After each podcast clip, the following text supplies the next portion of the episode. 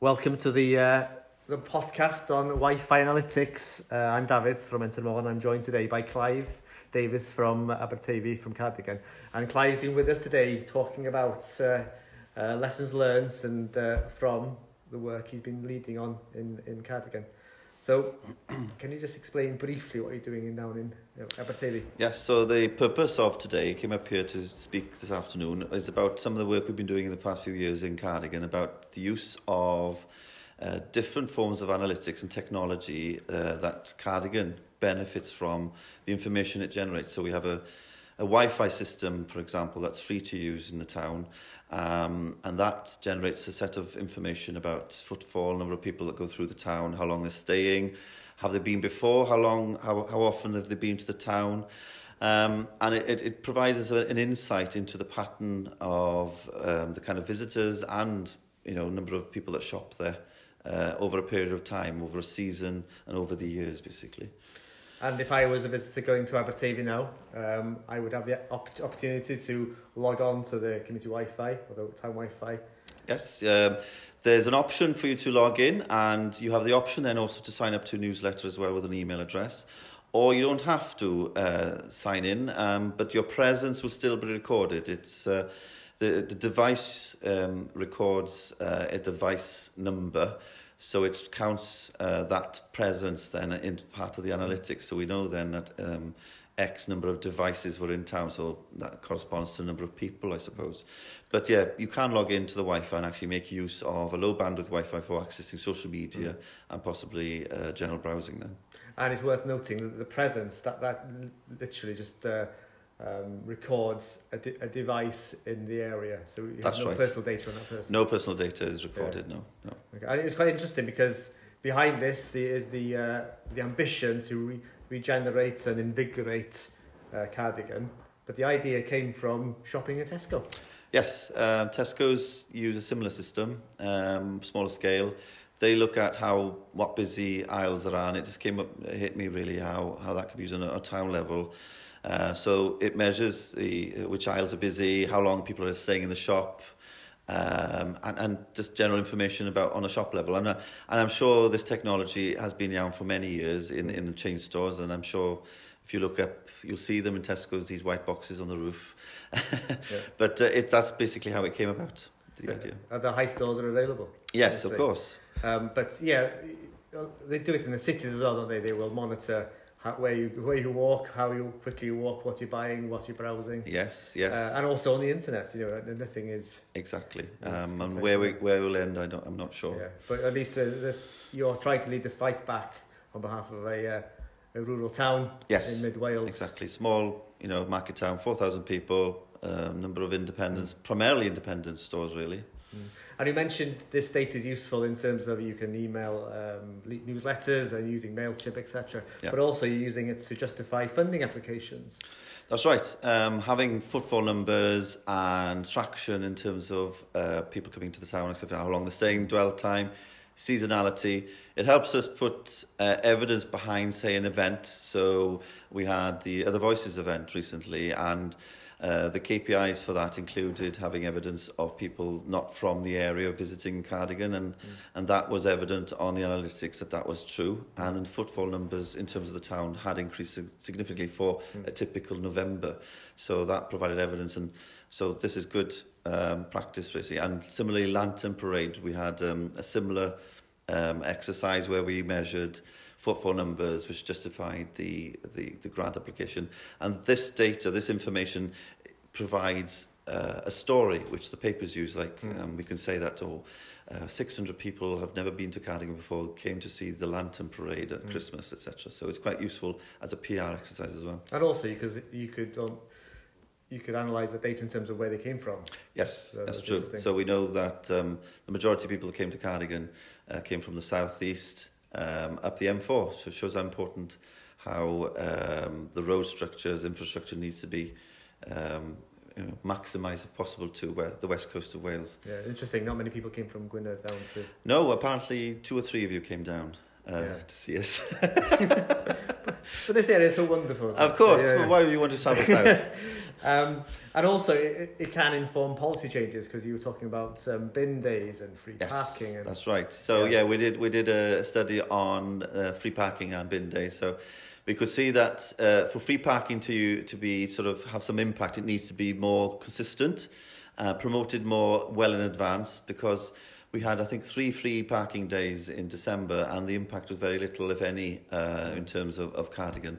Um, I think the impact when free parking happened the summer before last was much more because what happened, the par car parking machines uh, all stopped working for a period of a number of weeks, if not months.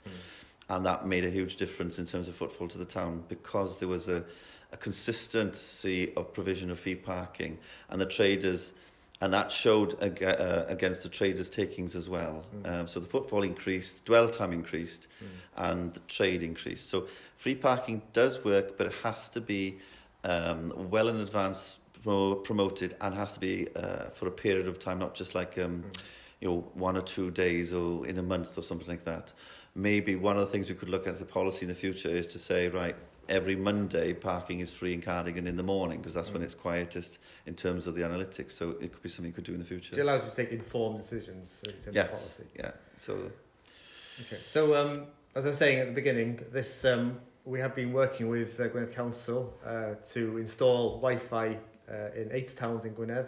Uh, we're about to start on three towns in Anglesey as well. So, uh, hopefully this, today inspired them, uh, and we can then make informed decisions on a range of, of topics in Anglesey and Dennis Morn. So um, yeah. thanks, Clive. No problem. Thank you. Safe journey. Thank Ta-ra. you very much. Ta-ra.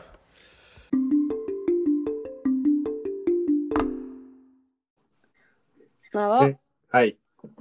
Dyma fi. Ac typical ar ôl bob dim, efo bloody way mynd lawr. Unbelievable. Eich di ta fi, Fi. Mae just yn mynd off yn... Oh. O, mae'n ni fyd, sti, serious, mae'n diabolical. O, mae'n iawn pan mae'n fyny, just, o, di wedyn, mae'n just i flannu. Iawn, mae'n siarad ni hwn yn ei handi, neu fydd y bloody thing yn mynd eto. Iawn, oce. Iawn, so croeso i y podlediad llwyddo'r Lleol, ac uh, David dwi, ac uh, dwi'n gweithio Mentor Môn, a mae Elen yma, sy'n gweithio hefo'r fenter Iaith efo ni. Helo, Elen. Helo. A dyn, yn fras bwriad hwn heddiw wedi uh, uh, denu sylw pobl ifanc sy'n siarad rhan o llwyddo'r Lleol ond hefyd pobl sydd wedi ddordeb yn cyfrannu'r sgwrs ynglyn â dyfodol cefn gwlad a rôl allweddol sgan bobl ifanc.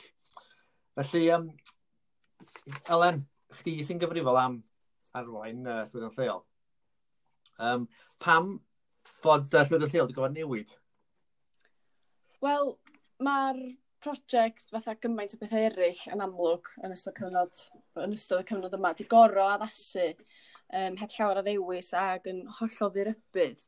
Felly mae o rwan yn brosiect da ni'n defnyddio rhyw fath o strapline bod o'n camu o'r Covid, um, os liciwch chi. Um, achos, wel, doedd i'r cynlluniau oedd gen lot o bobl yn eu lle cyn y Covid-19, dydyn nhw bellach ni mor glir ag oeddan nhw. Um, a maen nhw jyst i chwalu, um, boed bod hynny, os o gen rhywun blaniau mynd i deithio, um, mynd i brifysgol, dechrau busnes, cymryd, i cymryd, blwyddyn ai, cymryd blwyddyn allan dwi'n meddwl Um, be bynnag o gynnyn nhw'n ei lle mae'n debyg bod y virus wedi effeithio ar hynny mewn rhyw ffordd. Um, a wedyn mae'n bwysig wedyn trio dechra meddwl am ymateb i hynny a mae'n bwysig cynnwys y bobl ifanc yn y sgwrs am sut i daclo fo achos y reality ydy, wel ni fydd yma hira hmm. felly ni sy'n mynd i weld a profi canlyniad yr holl beth um, am yr amser hira da, felly Dyna, yeah. dyna pam bod y prosiect i newid mewn gwirionedd, achos, wel, yn gorfod newid. Doedd gen dewis nag oedd?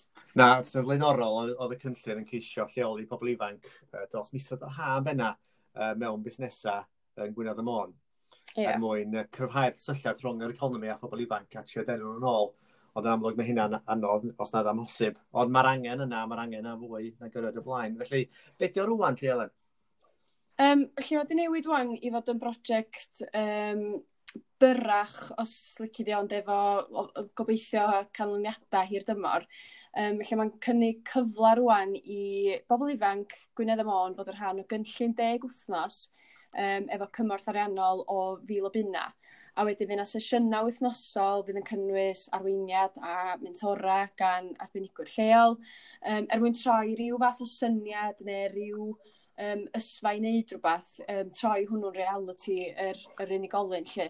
Um, fydd y deg wsnos yn siwrna, um, a wedyn yn gobeithio helpu'r deg yma fydd yr rhan ohono fo i lwyddo a, a hynny yn lleol lle, mm. a hynny yn ystod bywyd ar ôl COVID-19 hefyd lle. Ie, yeah, achos o ran um, mallwyd yn lleol, rhan o waith Menter Môn, dyn ni gweithio efo'r cynghora, a cer bod na lawer o dinistyr mewn ffordd yn digwydd yn sgil Covid. Lasa fod yn y gyfleoedd, uh, mae yna heria newydd yn cael eu cyflwyno. Mae angen dipyn o greadigrwydd i ymateb i'r heria yna. A mae'n bwysig bod ni egni ar chwilfrydedd a sgiliau pobl ifanc i ymateb. Um, ti wedi sôn yn fanol, yn, yn eitha manol ynglyn â'r gweithgareddau, ond be di'r nod, achos mae o'n mae o, yn mynd tu hwnt i'r gweithgareddau penodol, dydy, be di'r nod uh, hangach rhwng y lleol? Um, O, dwi'n meddwl, mae yn yr enw o ran llwyddo yn lleol. Dwi'n meddwl bod hynny reit, mae hwnnw'n egluro'i hun, ond o ia, wedyn fydd siwrna'r deg, mae fydd yn rhan o'r cynllun yn amlwg yn canolog i'r nod yna. A mi fydda nhw yn enghraifft o bobl sydd wedi llwyddo yn lleol. A dwi'n gwybod bod na ddatganiad a meddylfryd reit amlwg, fatha reit boblogaidd o does na ddim swyddi, a dydy hynny'n cweit yn wir, achos mae na swyddi does, a mae'r prosiect yma'n gyfle i amlygu hynny lle drwy'r deg person yma, a cydweithio efo cwmnïau sydd yn gofyn am bobl ifanc Cymraeg mm. ac yn y blaen. Ond, a mae hwn yn ond mawr ac yn ond eitha pwysig, mae yna elfen o onestrwydd yn perthyn i'r prosiect hefyd lle, a mae hwn, mae'r gonestrwydd yma yn yn brif nod i'r prosiect hefyd lle. Um, achos dim trio cyflyru meddyliau pobl ifanc i feddwl bod yna'n nunlla gwell na Gwynedd a Môn ydio. A dos na'n pwynt i ni drio, trio confinsio neb fod na unrhyw swydd dan hael a gael yma, achos dydy mm. hynny'n wir. Dwi'n siŵr bod ni gyd yn abod rhywun yn rhywle sydd wedi gorfod gadael am fod y swydd maen nhw eisiau yn Gardydd, Lerpwl, neu lle bynnag o bo hynny tu allan i'r ddwy sir. Mm. A dim mae angen sbio mewn i hynna de, mae angen trafod y peth a rili really meddwl am sut i newid hynny. Gwneud yn bosib i bobl aros yma os na dyna maen nhw eisiau wneud de. Mm. Um, achos yn ystod yr, well, y misoedd dwytha yma oherwydd y, y, y COVID-19, mae yna gannoedd os nad miloedd o bobl wedi profi bod nhw'n medru gweithio o adra. Felly pam na hynny ddigwydd tod, ar draws cwmnïau mawr, sefydliadau, asiantaethau corfforaethol, proffesiynol ac yn y blaen. Um, mae yn bosib a wedyn os da ni fel pobl ifanc isio hynny ddigwydd mae angen amlygu a lleisio hynny felly mae ma ma' hynny'n y nod i'r prosiect yma hefyd lle enyn y drafodaeth a a t'od gweld be' be' fedrwn ni neud i newid y peth go iawn 'de. Yndi ac yn barod ti wedi bod yn cael sgyrsia efo bobl rownd hwn a fel yn sôn am yy ryw dwi yn gynharach doddach yngly- yy ryw ffrind sydd yn... Ia.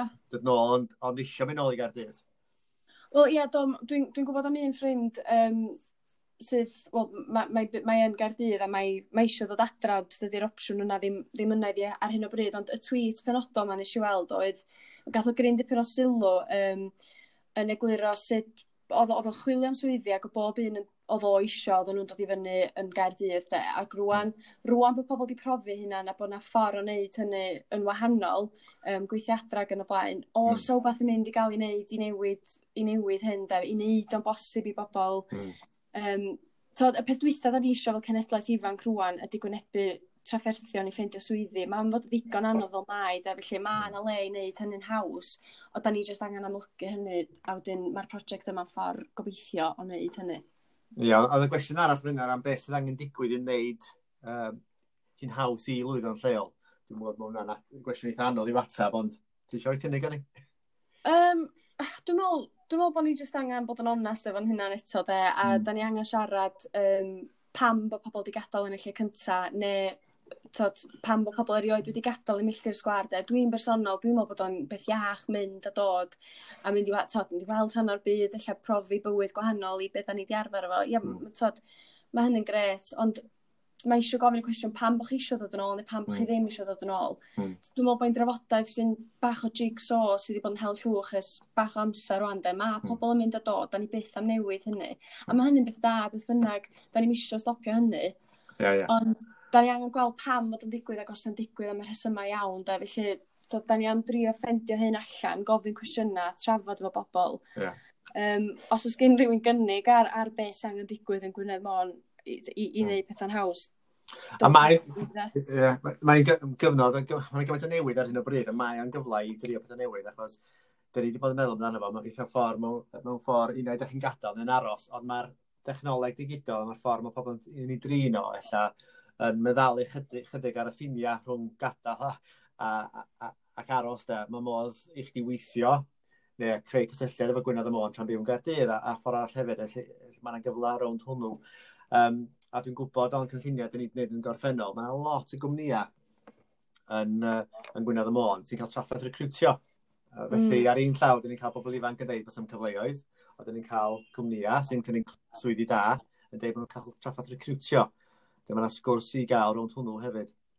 O, so mae just, dwi'n meddwl bod just angen amlygu hynny a sbio. Dwi'n meddwl bod, bod, bod, bod ni angen neud o'n haws i bobl sbio ar, ar ei opsiynau nhw'n hytrach na bod nhw mae o ryw default ar hyn o bryd bod pobl yn meddwl bod rhaid iddyn nhw fynd. Um, a dwi'n, dwi, dwi mae'n elfen ohona fi sy'n sy, sy wedi profi hynny'n hun, lle dwi, dwi wastad i meddwl os, os ydy aros o gwmpas yn, mynd, yn ddewis doeth, a dwi angen just mynd a sawl, sawl un arall yr un oed a fi, dwi'n siŵr yn teimlo'r un peth. Yeah. Wedyn, mae dwi'n meddwl bod o'n drafodaeth ddyrus, mae'n mae drafodaeth yeah. amrywiol, ond mae, mae angen digwydd. Ynddi, a mae'n mae sgwrs onest achos um, o'n i'n sôn gynharach, da ni'n sôn bod na bod Gwynedd y Môn llefydd anhygol i fyw yn efo, ond weithiau mae pobl eisiau mynd i theatr neu eisiau blasu bwyd uh, cyfandirol ac yn y blaen ac yn y blaen. Wedyn mae yna ma wahaniaeth rhwng y ddwy ardal yn amlwg yma angen sgwrs onest rownd hwnnw. Um, o ran, felly mae yna gyfle i ddeg fan hyn, ond dyn ni'n disgwyl gobeithio fydd yna gyfleoedd yn deall, um, dilyn hyn i bobl, i rhagor o bobl ifanc A wedyn, o ran uh, cysylltu fe chdi, Maria, i ddangos ddordeb i fod yn rhan o'r cynllun. Ie, yeah, so mae yna um, ma fideo byr ar Facebook rhwng rhywun lleol yn um, egluro chydig bach am y cynllun. Dau funud ydy os di rhywun jyst eisiau mynd i weld um, i gynnwys. So wedyn mae modd llenwi Ffurflan Gais ar wefan yn Termon um, efo rhyw syniad neu rhyw brosiect sgynnach chi, chi mewn golwg a wedyn fyddwn ni'n cysylltu wedyn um, os da ni'n meddwl bod y syniad yn un san gweithio ar y cynllun deg wsos yma a mynd o hynny a wedyn mae'r dyddiad cael um, mewn rhyw, ia, mewn rhyw 90 mewn deg diwrnod lle dy syl, mm. dim syl yma, dy syl nesa. Yeah. Lle digon amser i gysylltu os gen rhywun gwestiynau falle hefyd. A jyst i orffen, mae hwn rhan o gynllun arfor um, y Llywodraeth, Cymru a sy'n cael ei um, gefnogi gan Cyngor Gwynedd a Cyngor Môn hefyd, felly mae yna bedneriaeth rhanbarthol i'r cynllun. Felly ie, yeah, gret, diolch Alen. Um, Nawn ni adael o'r hynny, ond gobeithio fyna fwy o podlediaid hefo pobl ifanc uh, yn y dyfodol. Na, dwi'n siŵr fydd yna, gobeithio. Iawn, diolch fawr, Olen. Lyflu, diolch. Bara. Dwi'n bach i fynd, Olen, 10.56 oedd o'n. Ti'n dal yna? Dyna'n iawn, doedd, dan 10 munud. Right. Well, it is what it is, there din. So, um, Is there? Dwi'n dim ots yn ei Iawn, na i, um, na i just um, golygu hwnnw. Um, um, Fydra i rannu, so, sy'n ma'n gweithio wedyn, so ti'n post, ne, mae'n barod, a wedyn fydra i rannu fo ar tudalen Facebook ddim yn lleol, a falle ta. Okay, yna i roi logo llwyd o lleol arno fo, a dyn gyd i rannu fo. Um, mae'n cymer... Tad, gyd i'r rannu mae'n syth o anchor neu hwyrach ymlaen, mewn dau ddwrnod y falle, mae'n mynd ar um, Spotify a, a Apple. Dwi'n mynd yn syth oh, am ryw sôn. Um, um, o, diw, ella fysa gwerth gwytsiad am hynny, achos ar Spotify dwi'n gwrando ar podcast, da. Ie. Yeah. Um, um, yeah. Wel, ie, yeah, mae fyny chdi wedyn, achos mae'n cymryd bach amser, dwi'n meddwl pam i fynd i fyny. Okay. Um, O ie, pe fyna, gwneud ffigur allan. Ie, a wedyn, ie, so ti'n cael y logins, really, gan Aron. Achos, be, yeah. be dwi'n mynd i ffigur o wneud? Yn ddelfrydol, sa bob dim dyn ni'n neud yn mynd ar i metr môn, o bod na um, môr creu cyfresu, ond dwi'n mynd i ffigur allan sydd wneud hynny eto. So, dyda, oh, yeah. dwi'n gen i os ti'n mynd ar um, Apple Music, neu beth yna gydio, um, mae yna fatha, ti'n mynd i cael cyfres, dwi'n um, o podlediadau ac ar hyn o bryd, maen nhw jyst yn un rhestr, mae'n mynd o hydroponics i hydrogen i llwyddo lleol. O, oh, iawn. Ia, sy'n licio beth i grwpio nhw. Yeah. A wedyn ti'n angen chwech cyfri gwahanol le. Na, gwaith ti'n union, na. Ac os ti'n uh, YouTube fo, mae ma rhan fwyaf fatha tutorial o e. YouTube yn deitha chdi sy'n gwneud wrach. So, fel ydol, chi jyst un cyfri metr môn a dim yn hawdd, dwi'n hawdd dweud. So. Ond, um, mm. okay, na i, um, I just top y teulu hwn na, dim. Oce. Okay. Cool.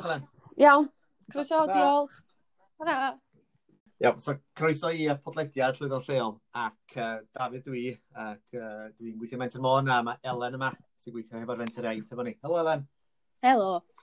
A dyn yn fras bwriad hwn heddiw wedi uh, uh, denu sylw pobl ifanc sy'n siarad rhan o Llwyddo'n Lleol ond hefyd pobl sy'n diddordeb yn cyfrannu'r sgwrs ynglyn â dyfodol cefn gwlad a rôl allweddol sgan bobl ifanc Felly, um, Elen, chdi sy'n gyfrifol am arwain uh, llwyddiant lleol. Um, pam bod uh, llwyddiant lleol wedi gofod newid? Wel, mae'r prosiect fatha gymaint o bethau eraill yn amlwg yn ystod, cyfnod, yn ystod y cyfnod yma, di goro addasu um, heb llawer o ddewis ac yn hollol ddirybydd. Felly mae o rwan yn brosiect da ni'n defnyddio rhyw fath o strapline bod o'n camu o'r Covid, um, os liciwch chi. Um, achos, wel, doedd i'r cynlluniau oedd gen lot o bobl yn eu lle cyn y Covid-19, dydyn nhw bellach ddim mor glir ag oeddan nhw. Um, a maen nhw jyst i chwalu, um, boed bod hynny, os oedd gen rhywun blaniau mynd i deithio, um, mynd i brifysgol, dechrau busnes, cymryd, i, cymryd blwyddyn ai, cymryd blwyddyn allan, dwi'n meddwl. Um, be bynnag o gynnyn nhw'n ei lle, mae'n debyg bod y firws wedi effeithio ar hynny mewn rhyw ffordd. Um, a wedyn mae'n bwysig wedyn trio dechrau meddwl am ymateb i hynny, a mae'n bwysig cynnwys y bobl ifanc yn y sgwrs am sut i daclo fo, achos y reality ydy, wel, ni fydd yma hira, mm. felly ni sy'n mynd i weld a profi canlyniad yr holl beth um, am yr amser hira, da, felly dyna, yeah. dyna pam bod y prosiect i newid mewn gwirionedd, achos, wel, yn gorfod newid. Do gynna dewis na oedd? Na, sef flaenorol oedd y cynllun yn ceisio lleoli pobl ifanc e, dros misoedd yr ha benna e, mewn busnesau yn Gwynedd y Môn. Yeah. Er mwyn e, cryfhau'r cysylltiad rhwng yr economi a phobl ifanc a trio denw nhw'n ôl. Ond yn amlwg mae hynna'n anodd os nad amhosib. Ond mae'r angen yna, mae'r angen yna fwy na gyrraedd y blaen. Felly, beth yw'r rwan, Lly Elen? Um, felly, mae wedi newid wan i fod yn brosiect um, byrach os lici di ond efo gobeithio canlyniadau hir dymor, um, lle mae'n cynnig cyfle rwan i bobl ifanc Gwynedd y Môn fod yn rhan o gynllun deg wythnos um, efo cymorth ariannol o fil o bunna. A wedyn fyna sesiynau wythnosol fydd yn cynnwys arweiniad a mentora gan arbenigwyr lleol, um, er mwyn troi rhyw fath o syniad neu rhyw um, ysfa i wneud rhywbeth, um, troi hwnnw'n reality yr, yr unigolyn lle. Um, fydd y deg wsnos yn siwrna, um, a wedyn yn gobeithio helpu'r deg yma fydd yr rhan ohono fo i lwyddo a, a hynny yn lleol lle, mm. a hynny yn ystod bywyd ar ôl COVID-19 hefyd lle. Ie, yeah, achos o ran um, mallwyd yn lleol, rhan o waith Menter Môn, dyn ni gweithio efo'r cynghora, a cer bod na lawer o dinistyr mewn ffordd yn digwydd yn sgil Covid. Lasa fod yn y gyfleoedd, uh, mae yna heria newydd yn cael eu cyflwyno. Mae angen dipyn o greadigrwydd i ymateb i'r heria yna. A mae'n bwysig bod blwyddyn egni ar chwilfrydedd a sgiliau pobl ifanc i ymateb. Um, ti wedi sôn yn fanol, yn, yn eitha manol ynglyn â'r gweithgareddau, ond be di'r nod, achos mae o'n mae o, yn mynd tu hwnt i'r gweithgareddau penodol, dydy, be di'r nod uh, hangach rhwng y lleol? Um, Ond dwi'n meddwl, mae yn yr enw o ran llwyddo yn lleol. Dwi'n meddwl bod hynny reit, mae hwnnw'n egluro'i hun, ond o ia, wedyn fydd siwrna'r deg, mae fydd yn rhan o'r cynllun yn amlwg yn canolog i'r nod yna. A mi fydda nhw yn enghraifft o bobl sydd wedi llwyddo yn lleol. A dwi'n gwybod bod na ddatganiad a meddylfryd reit amlwg, fatha reit boblogaidd o does na ddim swyddi, a dydy hynny'n cweit yn wir, achos mae na swyddi does, a mae'r prosiect yma'n gyfle i amlygu hynny lle drwy'r deg person yma, a cydweithio efo cwmnïau sydd yn gofyn am bobl ifanc Cymraeg mm. ac yn y blaen. Ond a ma' hwn yn ond mawr ac yn ond eitha pwysig mae yna elfen o onestrwydd yn perthyn i'r prosiect hefyd lle, a mae hwn mae'r gonestrwydd yma yn yn brif nod i'r prosiect hefyd lle. Um, achos dim trio cyflyru meddyliau pobl ifanc i feddwl bod 'na nunlla gwell na Gwynedd am o'n ydio. a do's na'n pwynt i ni drio trio confinsio neb fod na unrhyw swydd dan hael a gael yma, achos dydy mm. hynny'n wir. Dwi'n siŵr bod ni gyd yn abod rhywun yn rhywle sydd wedi gorfod gadael am fod y swydd maen nhw isio yn Gardydd, Lerpwl neu lle bynnag o bo hynny tu allan i'r ddwy sir. Mm. A wedyn mae angen sbio mewn i hynna de, mae angen trafod y peth a rili really meddwl am sut i newid hynny. Gwneud yn bosib i bobl aros yma os na dyna maen nhw eisiau wneud de. Mm. Um, achos yn ystod yr, well, y misoedd dwytha yma oherwydd y, y, y COVID-19, mae yna gannoedd os nad miloedd o bobl wedi profi bod nhw'n medru gweithio o adra. Felly pam na llenni ddigwydd tod, ar draws cwmnïa mawr, sefydliadau, asiantaethau corfforaethol, proffesiynol ac yn y blaen. Um, mae yn bosib a wedyn os da ni fel pobl ifanc isio hynny ddigwydd mae angen amlygu a lleisio hynny felly ma'r ma ma' hynny'n y nod i'r prosiect yma hefyd lle enyn y drafodaeth a a t'od gweld be' be' fedrwn ni neud i newid y peth go iawn 'de. Yndi ac yn barod ti wedi bod yn cael sgyrsia efo bobl rownd hwn a ac yn sôn am yy ryw dwît yn gynharach doddach yngly- yy rhyw ffrind sydd yn... Ia. ...dod nôl ond ond eisiau mynd nôl i Gaerdydd. Wel ia do dwi'n dwi gwybod am un ffrind um, sydd, wel, mae, mae, mae yn gardydd a mae, mae eisiau dod adra, dydy'r opsiwn yna ddim, ddim yna iddi ar hyn o bryd, ond y tweet penodol ma'n eisiau weld oedd, gath o gryn dipyn o sylw um, yn egluro sut oedd o'n chwilio am swyddi ac o bob un oedd o isio, oedd nhw'n dod i fyny yn Gaerdydd, de, ac rwan, rwan bod pobl wedi profi hynna na bod yna ffordd o wneud hynny yn wahanol, um, gweithio adra yn y blaen, o, mm. so beth yn mynd i gael i wneud, i newid, i newid hyn, de, i wneud o'n bosib i bobl, mm. Um, tod, y peth dwysa da ni eisiau fel cenedlaeth ifanc rwan ydy gwynebu trafferthion i ffeindio swyddi. Mae'n fod ddigon anodd fel mai, da, felly mae yna le i wneud hynny'n haws, o da ni jyst angen amlygu hynny, a wedyn mae'r prosiect yma'n ffordd gobeithio o wneud hynny. Ia, a y gwestiwn arall fyna am beth sydd angen digwydd i wneud um, hi'n haws i lwyddo'n lleol. Dwi'n gwybod bod hwnna'n gwestiwn eitha anodd i watsab, ond ti eisiau cynnig gan ni?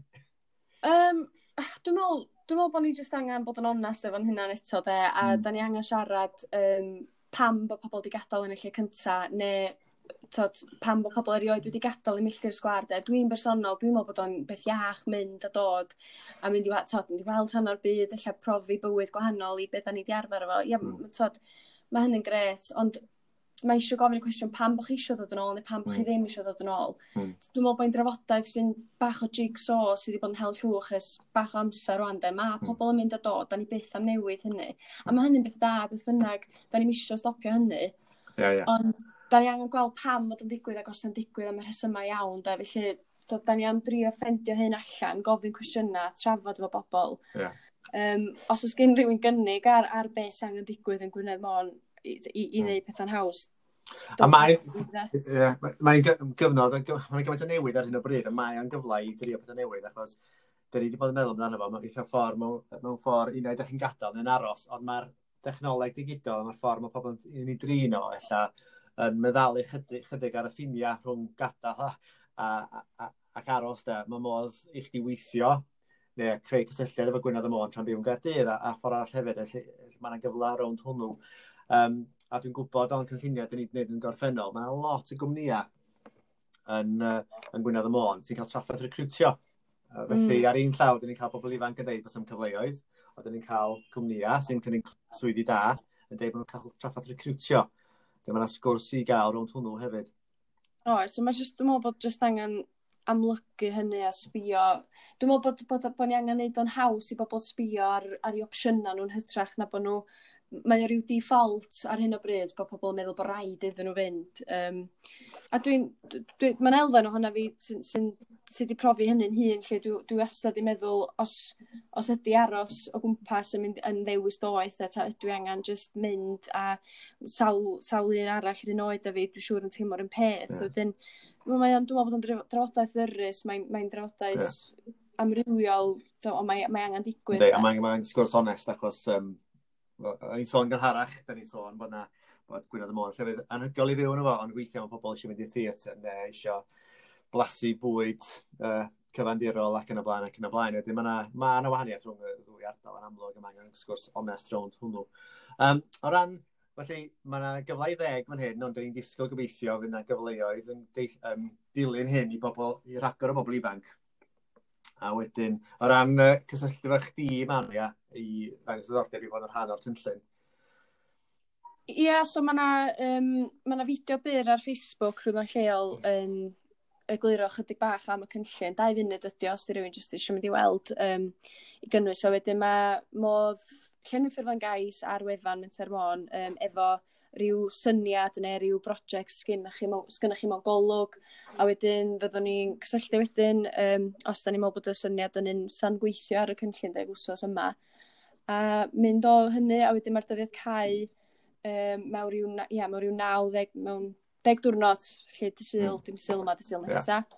Lle digon amser i gysylltu os gen rhywun gwestiynau falle hefyd. A jyst i orffen, mae hwn rhan o gynllun arfor um, y Llywodraeth, Llywodraeth Cymru a sy'n cael ei um, gefnogi gan Cyngor Gwynedd a Cyngor Môn hefyd, felly mae yna bedneriaeth rhanbarthol i'r cynllun. Felly ie, yeah, gret, diolch Alen. Um, Nawn ni adael o'r hynny, ond gobeithio fyna fwy o podlediaid hefo pobl ifanc uh, yn y dyfodol. Na, dwi'n siŵr fydd yna, gobeithio. Iawn, diolch yn fawr Alen. Lyflu, diolch. Bara. Dwi'n bach i fynd o'n 10.56 oedd o'n. Ti'n dal yna? Dyna'n iawn doedd, dan deg munud. Right. Well, iawn, so croeso i y podlediad Llwyddo'n Lleol ac uh, Dafydd dwi ac uh, dwi'n gweithio Menter Môn a mae Elen yma sy'n gweithio hefo'r Menter Iaith efo ni. Helo Elen. Helo.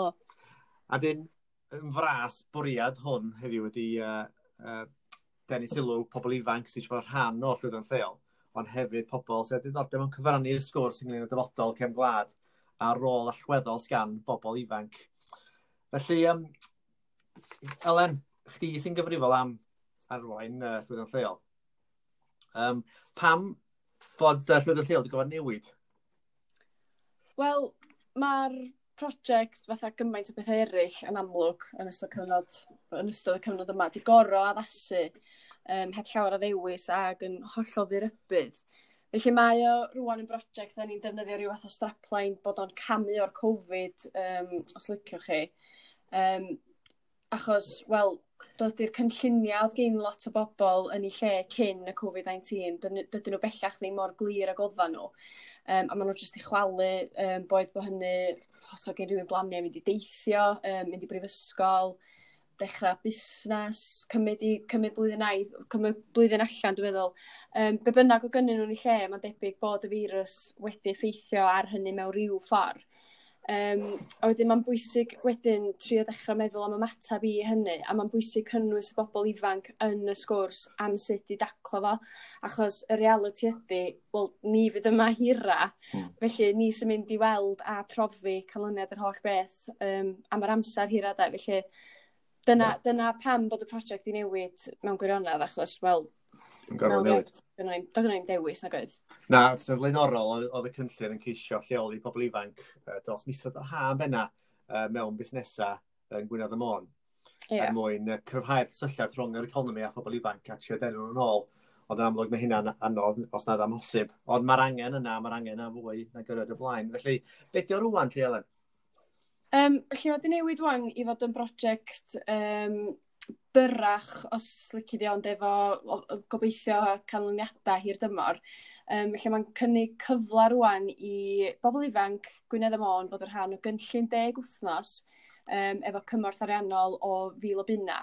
A wedyn fyna sesiynau wythnosol fydd yn cynnwys arweiniad a mentora gan arbenigwyr lleol um, er mwyn troi rhyw fath o syniad neu rhyw um, ysfau wneud rhywbeth, um, troi hwnnw'n reality yr, yr unigolyn lle. Um, fydd y deg wsnos yn siwrna, um, a wedyn yn gobeithio helpu'r deg yma fydd y rhan ohono fo i lwyddo a, a hynny yn lleol lle, mm. a hynny yn ystod bywyd ar ôl COVID-19 hefyd lle. Ie, yeah, achos o ran um, mallwyd lleol, rhan o waith Mente Môn, dyn ni gweithio efo'r cynghora, ac er bod na lawer o ddinistyr mewn ffordd yn digwydd yn sgil Covid, lasa fod yn y gyfleoedd, uh, mae yna heria newydd yn cael eu cyflwyno, mae angen dipyn o greadigrwydd i ymateb i'r heria yna, a mae'n bwysig blwyddyn egni ar chwilfrydedd a sgiliau pobl ifanc i ymateb. Um, ti wedi sôn yn fanwl, yn, yn eitha manwl ynglyn â'r gweithgareddau, ond be di'r nod, achos mae o'n mae o, yn mynd tu hwnt i'r gweithgareddau penodol, dydy, be di'r nod uh, hangach rhywbeth lleol? Um, Wel, dwi'n meddwl, mae yn yr enw o ran llwyddo yn lleol. Dwi'n meddwl bod hynny reit, mae hwnnw'n egluro hun, ond ia, wedyn y siwrna'r deg, mae fydd yn rhan o'r cynllun yn amlwg yn canolog i'r nod yna. A mi fydda nhw yn enghraifft o bobl sydd wedi llwyddo yn lleol. A dwi'n gwybod bod na ddatganiad a meddylfryd reit amlwg, fatha reit boblogaidd o does na ddim swyddi, a dydy hynny'n cweit yn wir, achos mae na swyddi does, a mae'r prosiect yma'n gyfle i amlygu hynny lle drwy'r deg person yma, a cydweithio efo cwmnïau sydd yn gofyn am bobl ifanc Cymraeg mm. ac yn y blaen. Ond a mae hwn yn ond mawr ac yn ond eitha pwysig, mae yna elfen o onestrwydd yn perthyn i'r prosiect hefyd lle, a mae hwn, mae'r gonestrwydd yma yn, yn brif nod i'r prosiect hefyd lle. Um, achos dim trio cyflyru meddyliau pobl ifanc i feddwl bod nhw'n nynlla gwell na Gwynedd am Môn ydio. A does na'n pwynt i ni drio, trio confinsio neb fod na unrhyw swydd dan hael a gael yma, achos dydy mm. hynny yn wir. Dwi'n siŵr bod ni gyd yn abod rhywun yn rhywle sydd wedi gorfod gadael am fod y swydd maen nhw isio yn Gardydd, Lerpwl, neu lle bynnag o bo hynny tu allan i'r ddwy sir. Mm. A dim angen sbio mewn i hynna de, mae angen trafod y peth a rili really meddwl am sut i newid hynny. Gwneud yn bosib i bobl aros yma os na dyna maen nhw eisiau wneud de. Mm. Um, achos yn ystod yr, well, y misoedd dwytha yma oherwydd y, y, y COVID-19, mae yna gannoedd os nad miloedd o bobl wedi profi bod nhw'n medru gweithio o adra. Felly pam na llenni ddigwydd tod, ar draws cwmnïa mowr, sefydliadau, asiantaethau corfforaethol, proffesiynol ac yn y blaen Um, mae yn bosib a wedyn os da ni fel pobl ifanc isio hynny ddigwydd mae angen amlygu a lleisio hynny felly mae ma ma' hynny'n yn nod i'r prosiect yma hefyd lle enyn y drafodaeth a a t'od gweld be' be' fydra ni neud i newid y peth go iawn 'de. Yndi ac yn barod ti wedi bod yn cael sgyrsiau efo bobl rownd hwn a ac yn sôn am yy ryw dwi yn gynharach doddach um, rhyw ffrind sydd yn... yeah. ...dod nôl ond ond isio mynd nôl i gardydd.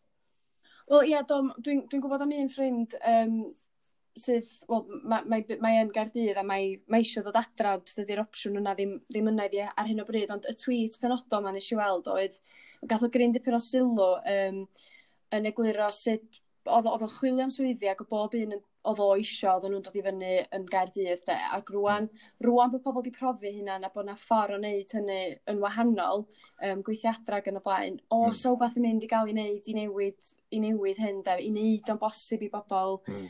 Um, tod, y peth dwysa da ni eisiau fel cenedlaeth ifanc rwan ydy gwynebu trafferthion i ffeindio swyddi. Mae'n fod ddigon anodd fel mai, de, felly mae yna le i wneud hynny'n haws, o da ni jyst angen amlygu hynny, a wedyn mae'r prosiect yma'n ffordd gobeithio o wneud hynny. Ia, oedd y gwestiwn arall fyna am beth sydd angen digwydd i wneud um, hi'n haws i lwyddo'n lleol. Dwi'n gwybod bod hwnna'n gwestiwn eitha anodd i fatab, ond ti eisiau cynnig yn i? Um, Ah, dwi'n meddwl, dwi'n meddwl bod ni jyst angen bod yn onest efo'n hynna'n eto 'de a mm. da ni angen siarad um, pam bod pobl wedi gadael yn y lle cynta neu t'od pam bod pobl erioed wedi gadael i milltir sgwar 'de dwi'n bersonol dwi'n meddwl bod o'n beth iach mynd a dod a mynd i t'od mynd i weld rhan o'r byd ella profi bywyd gwahanol i beth da ni wedi arfer efo ia mm. t'od mae hynny'n gret, ond mae eisiau gofyn y cwestiwn pam bod chi eisiau dod yn ôl neu pam bod mm. chi ddim eisiau dod yn ôl. Mm. Dwi'n meddwl bod e'n drafodaeth sy'n bach o jigsaw sydd wedi bod yn hel llwch ys bach o amser rwan de. Mae mm. pobl yn mynd a dod, da ni byth am newid hynny. A mae hynny'n beth da, beth bynnag, da ni'n eisiau stopio hynny. Yeah, yeah. Ond da ni angen gweld pam fod yn digwydd ac os yna'n digwydd am y rhesymau iawn de. Felly, do, da ni am drio ffendio hyn allan, gofyn cwestiynau, trafod efo bobl. Yeah. Um, os oes gen rhywun gynnig ar, ar beth sy'n angen digwydd yn Gwynedd Môn, i, i, i hmm. wneud pethau'n haws. A mae, yeah, mae'n gyfnod, mae'n gymaint o newid ar hyn o bryd, a mae'n gyfle i drio pethau newid, achos dyn ni wedi bod yn meddwl amdano fo, mae'n eitha ffordd, mewn ffordd, unai ydych chi'n gadael yn aros, ond mae'r dechnoleg digidol, mae'r ffordd mae pobl yn ei drino, ella, yn meddalu chydig, chydig ar y ffiniau rhwng gadael a, a, a, ac aros, da. Mae modd i chdi weithio, neu creu cysylltiad efo Gwynedd y Môn tra'n byw yn Gaerdydd, a, a ffordd arall hefyd, felly mae gyfle rownd hwnnw. Um, a dwi'n gwybod o'n cynlluniau dyn ni'n gwneud yn gorffennol, mae yna lot o gwmnïau yn, uh, yn Gwynedd y Môn sy'n cael traffaeth recrwtio. Uh, felly mm. ar un llaw, dyn ni'n cael bobl ifanc yn dweud bod am cyfleoedd, a dyn ni'n cael cwmnïau sy'n cynnig swyddi da yn dweud bod nhw'n cael traffaeth recrwtio. Dyma yna sgwrs i gael rownd hwnnw hefyd. O, so mae just, dwi'n meddwl bod just angen amlygu hynny a sbio.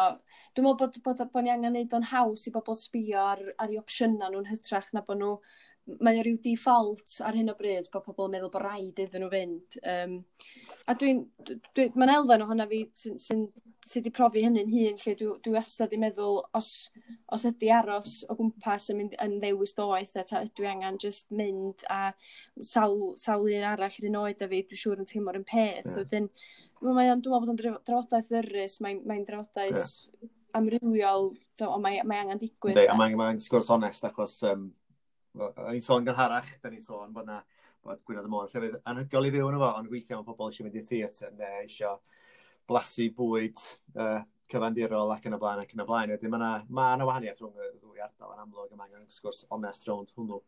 Um, o ran, felly mae yna gyfle i ddeg fan hyn, ond ni'n disgwyl gobeithio fydd yna gyfleoedd yn deith, um, dilyn hyn i bobl, i rhagor o bobl ifanc. A wedyn, o ran uh, cysylltu fe chdi, Maria, i ddangos ddiddordeb i fod yn rhan o'r cynllun. Ia, yeah, so mae yna um, ma fideo byr ar Facebook rhwng rhywun lleol mm. yn egluro chydig bach am y cynllun. Dau funud ydy os di rhywun jyst eisiau mynd i weld um, i gynnwys. So wedyn mae modd llenwi ffurflen gais ar wefan Menter Môn um, efo rhyw syniad neu rhyw brosiect sgynnach chi, sgynnach chi mewn golwg a wedyn fyddwn ni'n cysylltu wedyn um, os da ni'n meddwl bod y syniad yn un san gweithio ar y cynllun deg wsos yma a mynd o hynny, a wedyn mae'r dyddiad cau um, mewn rhyw, ia, mewn rhyw 90, mewn deg diwrnod, lle dy syl, mm. dim syl yma, dy syl nesaf. Yeah. Lle, digon amser i gysylltu os gen rhywun gwestiynau falle hefyd. A jyst i orffen, mae hwn rhan o gynllun arfor um, y Llywodraeth Cymru a sy'n cael ei um, gefnogi gan Cyngor Gwynedd a Cyngor Môn hefyd, felly mae yna bedneriaeth rhanbarthol i'r cynllun. Felly ie, yeah, gret, diolch Alen. Um, nawn ni adael o'r hynny ond gobeithio fyna fwy o podlediaid hefo pobl ifanc uh, yn y dyfodol. Na, dwi'n siŵr fi yna, gobeithio. Iawn, diolch fawr o dden. Diolch. Fara. Dwi'n bach fynd o'n filion. 10.56 o on. Ti ddal yna? Dyna'n iawn, doedd 10 munud. Oed. Wel, iawn, so croeso i podlediad Llwyddo'n Lleol ac uh, David dwi ac uh, dwi'n gweithio Mentor Môn a mae Elen yma sy'n gweithio hefo'r fenter Iaith efo ni. Helo Elen. Helo. A dyn, yn fras bwriad hwn heddiw wedi uh, uh, denu sylw pobl ifanc sy'n bod rhan o llwyddo'n lleol, ond hefyd pobl sydd wedi ddordeb yn cyfrannu'r sgwrs ynglyn â dyfodol cefn gwlad a rôl allweddol sgan bobl ifanc. Felly, um, Elen, chdi sy'n gyfrifol am arwain uh, llwyddo'n lleol. Um, pam bod uh, llwyddo'n lleol wedi gofod newid? Wel, mae'r project fatha gymaint o bethau eraill yn amlwg yn ystod, cyfnod, yn ystod y cyfnod yma, di goro addasu um, heb llawer o ddewis ac yn hollol ddirybydd. Felly mae o rwan yn brosiect da ni'n defnyddio rhyw fath o strapline bod o'n camu o'r Covid, um, os liciwch chi. Um, achos, wel, dydy'r cynlluniau oedd gen lot o bobl yn eu lle cyn y Covid-19, dydyn nhw bellach ni mor glir ag oeddan nhw. Um, a maen nhw jyst i chwalu, um, boed bod hynny, os o gen rhywun blaniau, mynd i deithio, um, mynd i brifysgol, dechrau busnes, cymryd, i, cymryd blwyddyn ai, cymryd blwyddyn allan, dwi'n meddwl. Um, be bynnag o gynnyn nhw'n ei lle, mae'n debyg bod y firws wedi effeithio ar hynny mewn rhyw ffordd. Um, a wedyn mae'n bwysig wedyn trio dechrau meddwl am ymateb i hynny, a mae'n bwysig cynnwys y bobl ifanc yn y sgwrs am sut i daclo fo, achos y reality ydy, wel, ni fydd yma hira, mm. felly ni sy'n mynd i weld a profi canlyniad yr holl beth um, am yr amser hira, da, felly dyna, yeah. dyna pam bod y prosiect i newid mewn gwirionedd, achos, wel, Yn gorfod newid. Doedd gen i'n dewis nag oedd. Na, sef flaenorol, oedd y cynllun yn ceisio lleoli pobl ifanc dros misoedd yr ha yn benna mewn busnesau yn Gwynedd y Môn. Yeah. Er mwyn cryfhau'r cysylltiad rhwng yr economi a phobl ifanc a trio denw nhw'n ôl. Ond yn amlwg mae hynna'n anodd os nad amhosib. Ond mae'r angen yna, mae'r angen yna fwy na gyrraedd y blaen. Felly, beth yw rwan, Lly Elen? Um, lle wedi newid wan i fod yn brosiect um, byrrach os lici di ond efo o, o, gobeithio canlyniadau hir dymor. Um, lle mae'n cynnig cyfle rwan i bobl ifanc Gwynedd y Môn fod yn rhan o gynllun deg wythnos um, efo cymorth ariannol o fil o bunna. A wedyn fyna sesiynau wythnosol fydd yn cynnwys arweiniad a mentora gan arbenigwyr lleol um, er mwyn troi rhyw fath o syniad neu rhyw um, ysfau wneud rhywbeth, um, troi hwnnw'n reality yr, yr unigolyn lle. Um, fydd y deg wsnos yn siwrna, um, a wedyn yn gobeithio helpu'r deg yma fydd yr rhan ohono fo i lwyddo a, a hynny yn lleol lle, mm. a hynny yn ystod bywyd ar ôl COVID-19 hefyd lle. Ie, yeah, achos o ran um, mallwyd yn lleol, rhan o waith Menter Môn, dyn ni gweithio efo'r cynghora, ac er bod na lawer o ddinistyr mewn ffordd yn digwydd yn sgil Covid. Lasa fod yn y gyfleoedd, uh, mae yna heria newydd yn cael eu cyflwyno, mae angen dipyn o greadigrwydd i ymateb i'r heria yna, a mae'n bwysig blwyddyn egni ar chwilfrydedd a sgiliau pobl ifanc i ymateb. Um, ti wedi sôn yn fanwl, yn, yn eitha manwl ynglyn â'r gweithgareddau, ond be di'r nod, achos mae o'n mae o, mynd tu hwnt i'r gweithgareddau penodol, dydy, be di'r nod uh, hangach rhwng y lleol? Um, O, dwi'n meddwl, mae yn yr enw o ran llwyddo yn lleol. Dwi'n meddwl bod hynny reit, mae hwnnw'n egluro'i hun, ond o ia, wedyn y siwrna'r deg, mae fydd yn rhan o'r cynllun yn amlwg yn canolog i'r nod yna. A mi fydda nhw yn enghraifft o bobl sydd wedi llwyddo yn lleol. A dwi'n gwybod bod na ddatganiad a meddylfryd reit amlwg fatha reit boblogaidd o does na ddim swyddi a dydy hynny'n cweit yn wir achos mae na swyddi does? A mae'r prosiect yma'n gyfle i amlygu hynny lle drwy'r deg person yma a cydweithio efo cwmnïau sydd yn gofyn am bobl ifanc Cymraeg mm. ac yn y blaen. Ond a mae hwn yn ond mawr ac yn ond eitha pwysig mae yna elfen o onestrwydd yn perthyn i'r prosiect hefyd lle, a ma' hwn mae'r gonestrwydd yma yn yn brif nod i'r project hefyd lle. Um, achos dim trio cyflyru meddyliau pobl ifanc i feddwl bod yna'n nunlla gwell na Gwynedd am Môn ydi a do's na'n pwynt i ni drio trio confinsio neb fod na unrhyw swydd dan hael a gael yma, achos dydy mm. hynny hynny'n wir. Dwi'n siŵr bod ni gyd yn abod rhywun yn rhywle sydd wedi gorfod gadael am fod y swydd maen nhw isio yn Gardydd, Lerpwl neu lle bynnag o bo hynny tu allan i'r ddwy sir. Mm. A dim angen sbio mewn i hynna de, mae angen trafod y peth a rili really meddwl am sut i newid hynny. Gwneud yn bosib i bobl aros yma os na dyna maen nhw eisiau wneud de. Mm. Um, achos yn ystod yr, well, y misoedd dwytha yma oherwydd y, y, y COVID-19, mae yna gannoedd os nad miloedd o bobl wedi profi bod nhw'n medru gweithio o adra. Felly pam na hynny ddigwydd tod, ar draws cwmni cwmnïa mawr, sefydliadau, asiantaethau corfforaethol, proffesiynol ac yn y blaen. Um, mae yn bosib a wedyn os da ni fel pobl ifanc isio hynny ddigwydd mae angen amlygu a lleisio hynny felly mae ma ma' hynny'n yn nod i'r prosiect yma hefyd lle enyn y drafodaeth a a t'od gweld be' be' fedrwn ni neud i newid y peth go iawn 'de. Yndi ac yn barod ti wedi bod yn cael sgyrsiau efo bobol rownd hwn a ac yn sôn am yy ryw dwi yn gynharach doddach yngly- yy ryw ffrind sydd yn... Ia. ...dod nôl ond ond eisiau mynd nôl i gardydd. Wel ie, yeah, dwi'n dwi gwybod am un ffrind um, sydd wel mae, mae, mae yn gardydd a mae, mae eisiau dod adra dydy'r opsiwn yna ddim, ddim yna iddi ar hyn o bryd ond y tweet penodol mae eisiau weld oedd gath o gryn dipyn o sylw um, yn egluro sut oedd o'n chwilio am swyddi ac o bob un oedd o eisiau oedd nhw'n dod i fyny yn Gaerdydd de, ac rwan, rwan bod pobl wedi profi hynna na bod na ffordd o wneud hynny yn wahanol, um, gweithio adrag yn y blaen, o mm. so beth yn mynd i gael ei wneud, i newid, i newid hyn de, i wneud o'n bosib i bobl, mm. Um, tod, y peth dwysa da ni isio fel cenedlaeth ifanc rwan ydy gwynebu trafferthion i ffeindio swyddi. Mae'n fod ddigon anodd fel mai, de, felly mae yna le i wneud hynny'n haws, o da ni jyst angen amlygu hynny, a wedyn mae'r prosiect yma'n ffordd gobeithio o wneud hynny. Ie, a y gwestiwn arall fyna am beth sydd angen digwydd i wneud um, hi'n haws i lwyddo'n lleol. Dwi'n meddwl bod hwnna'n gwestiwn eitha anodd i atab, ond ti eisiau cynnig ni?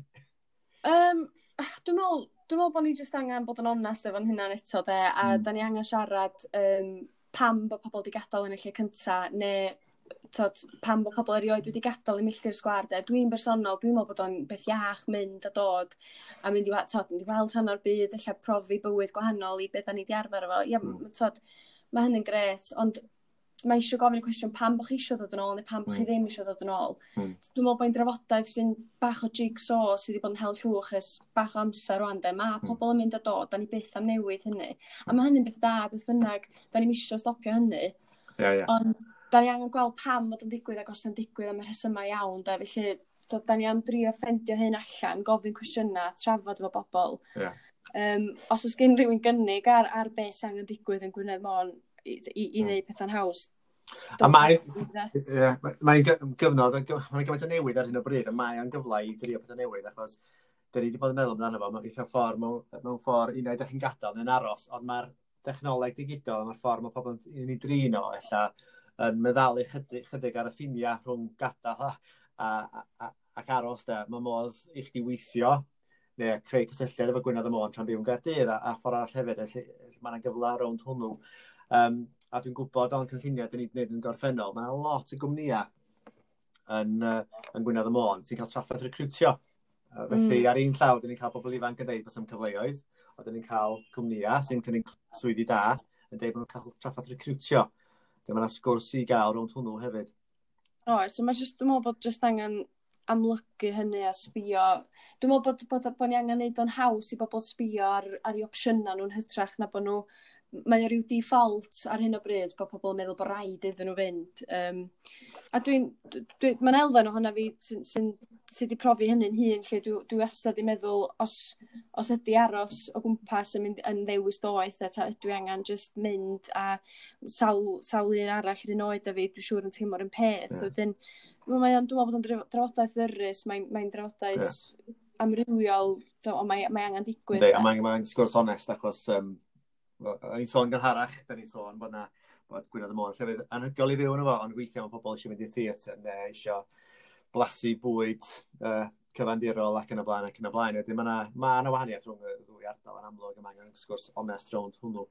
Um, o ran, felly mae yna gyfle i ddeg fan hyn, ond dyn ni'n disgwyl gobeithio fydd yna gyfleoedd yn um, dilyn hyn i bobl, i rhagor o bobl ifanc. A wedyn, o ran uh, cysylltu fe chdi, mam, ia, i ddangos ddiddordeb i fod yn rhan o'r cynllun. Ie, yeah, so mae yna um, ma fideo byr ar Facebook rhwng o lleol yn um, egluro chydig bach am y cynllun. Dau funud ydy os di rhywun jyst eisiau mynd i weld um, i gynnwys. So wedyn mae modd llenwi Ffurflan Gais ar wefan Menter Môn um, efo rhyw syniad neu rhyw brosiect sgynnych chi, chi mewn golwg a wedyn fyddwn ni'n cysylltu wedyn um, os da ni'n meddwl bod y syniad yn un san gweithio ar y cynllun deg wsos yma a mynd o hynny a wedyn mae'r dyddiad cael um, mewn rhyw, ia, mewn rhyw 90 mewn deg diwrnod lle dy syl, mm. dim syl yma, dy syl nesaf. Yeah lle digon amser i gysylltu os gen rhywun gwestiynau falle hefyd. A jyst i orffen, mae hwn rhan o gynllun arfor um, y Llywodraeth, Cymru a sy'n cael ei um, gefnogi gan Cyngor Gwynedd a Cyngor Môn hefyd, felly mae yna bedneriaeth rhanbarthol i'r cynllun. Felly ie, yeah, gret, diolch Alen. Um, Nawn ni adael o'r hynny, ond gobeithio fyna fwy o podlediaid hefo pobl ifanc uh, yn y dyfodol. Na, dwi'n siŵr fydd na, gobeithio. Iawn, diolch yn fawr Alen. Lyflu, diolch. Bara. Dwi'n bach i fynd o'n filion. 10.56 oedd o'n. Ti'n dal yna?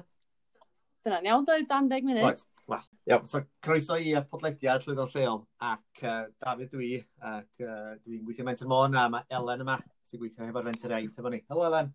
Helo.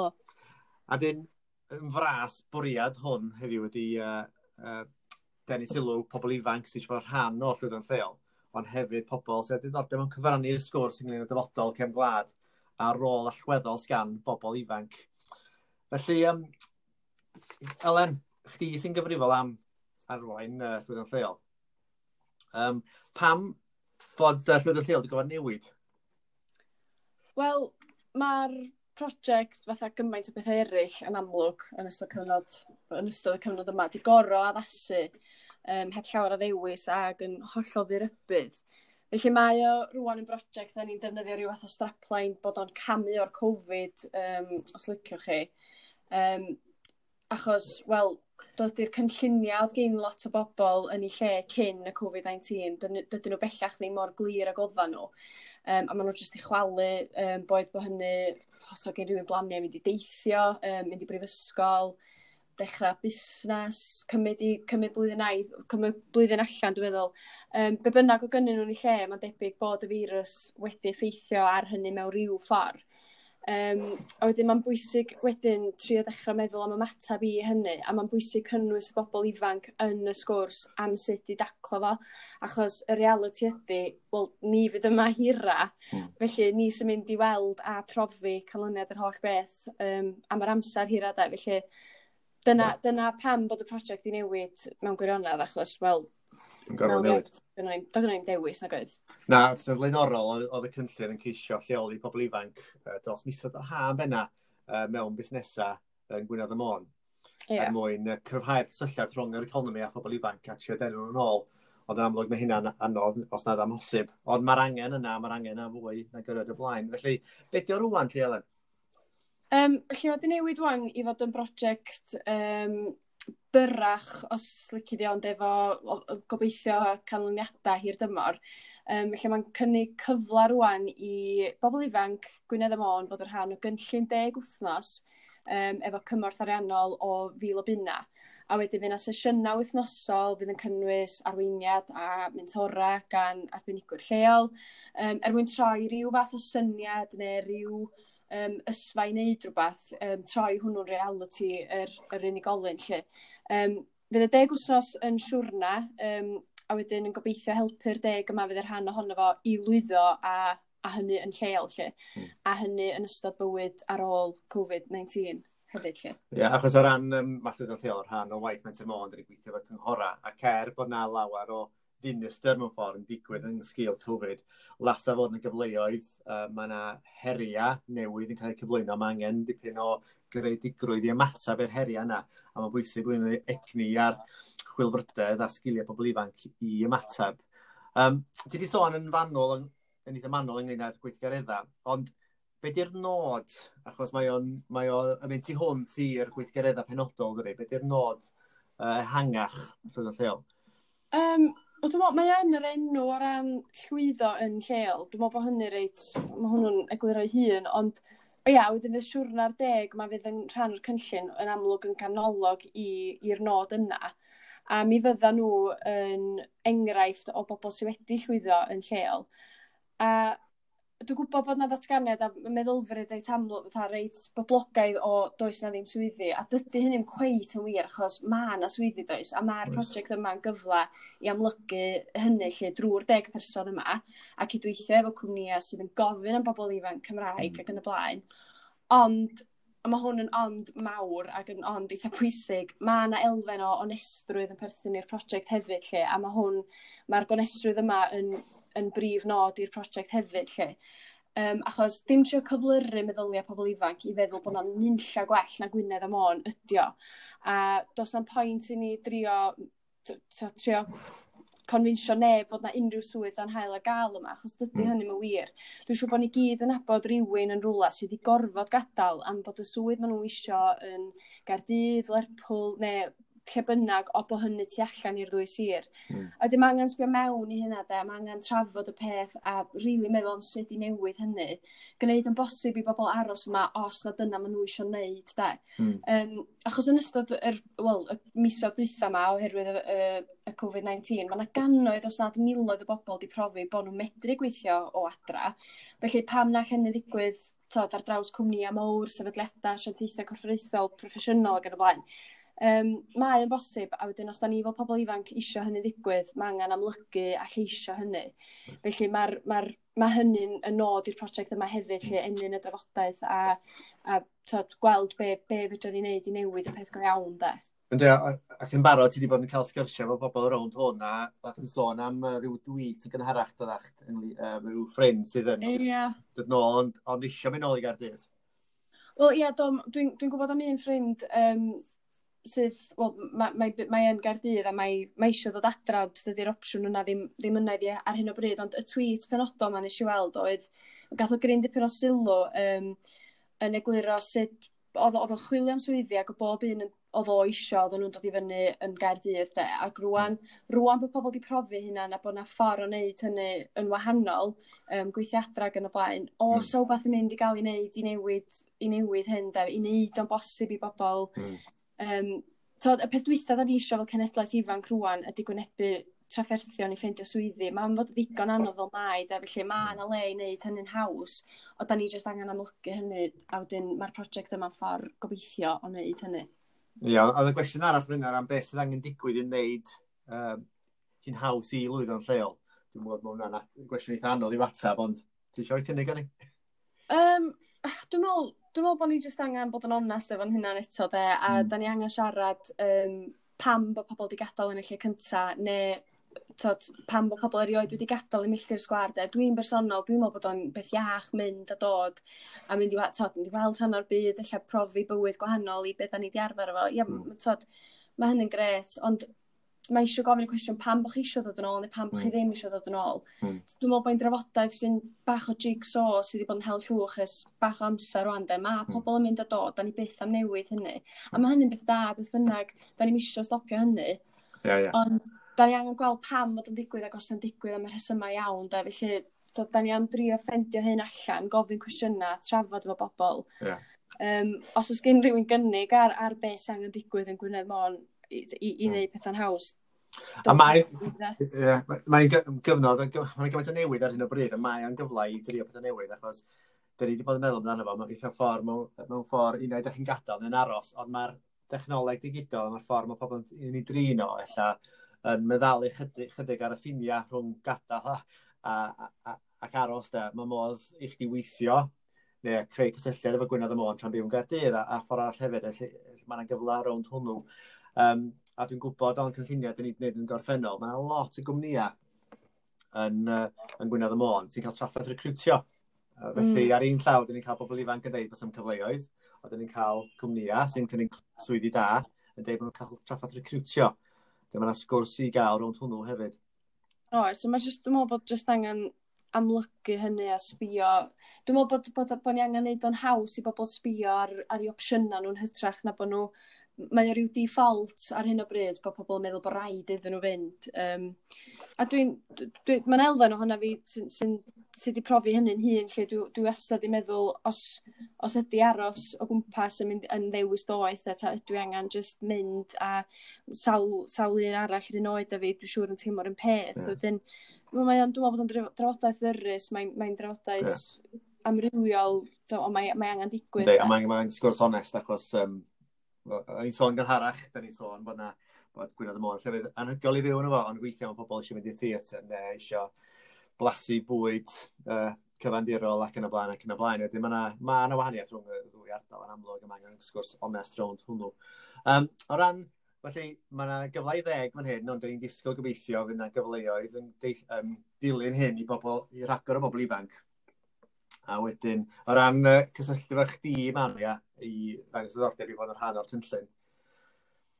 Ie, yeah, so mae yna um, ma fideo byr ar Facebook rhwng lleol yn um, egluro chydig bach am y cynllun. Dau funud ydi os di rhywun jyst eisiau mynd i weld um, i gynnwys. So wedyn mae modd llenwi ffurflen gais ar wefan yn Termon um, efo rhyw syniad neu rhyw brosiect sgynnach chi, sgynnach chi mewn golwg a wedyn fyddwn ni'n cysylltu wedyn um, os da ni'n meddwl bod y syniad yn un san gweithio ar y cynllun deg wsos yma a mynd o hynny a wedyn mae'r dyddiad cau um, mewn rhyw, ia, mewn rhyw 90 mewn deg diwrnod lle dy syl, mm. dim syl yma, dy syl nesa. Yeah. Lle digon amser i gysylltu os gen rhywun gwestiynau falle hefyd. A jyst i orffen, mae hwn rhan o gynllun arfor um, y Llywodraeth, Llywodraeth Cymru a sy'n cael ei um, gefnogi gan Cyngor Gwynedd a Cyngor Môn hefyd, felly mae yna bedneriaeth rhanbarthol i'r cynllun.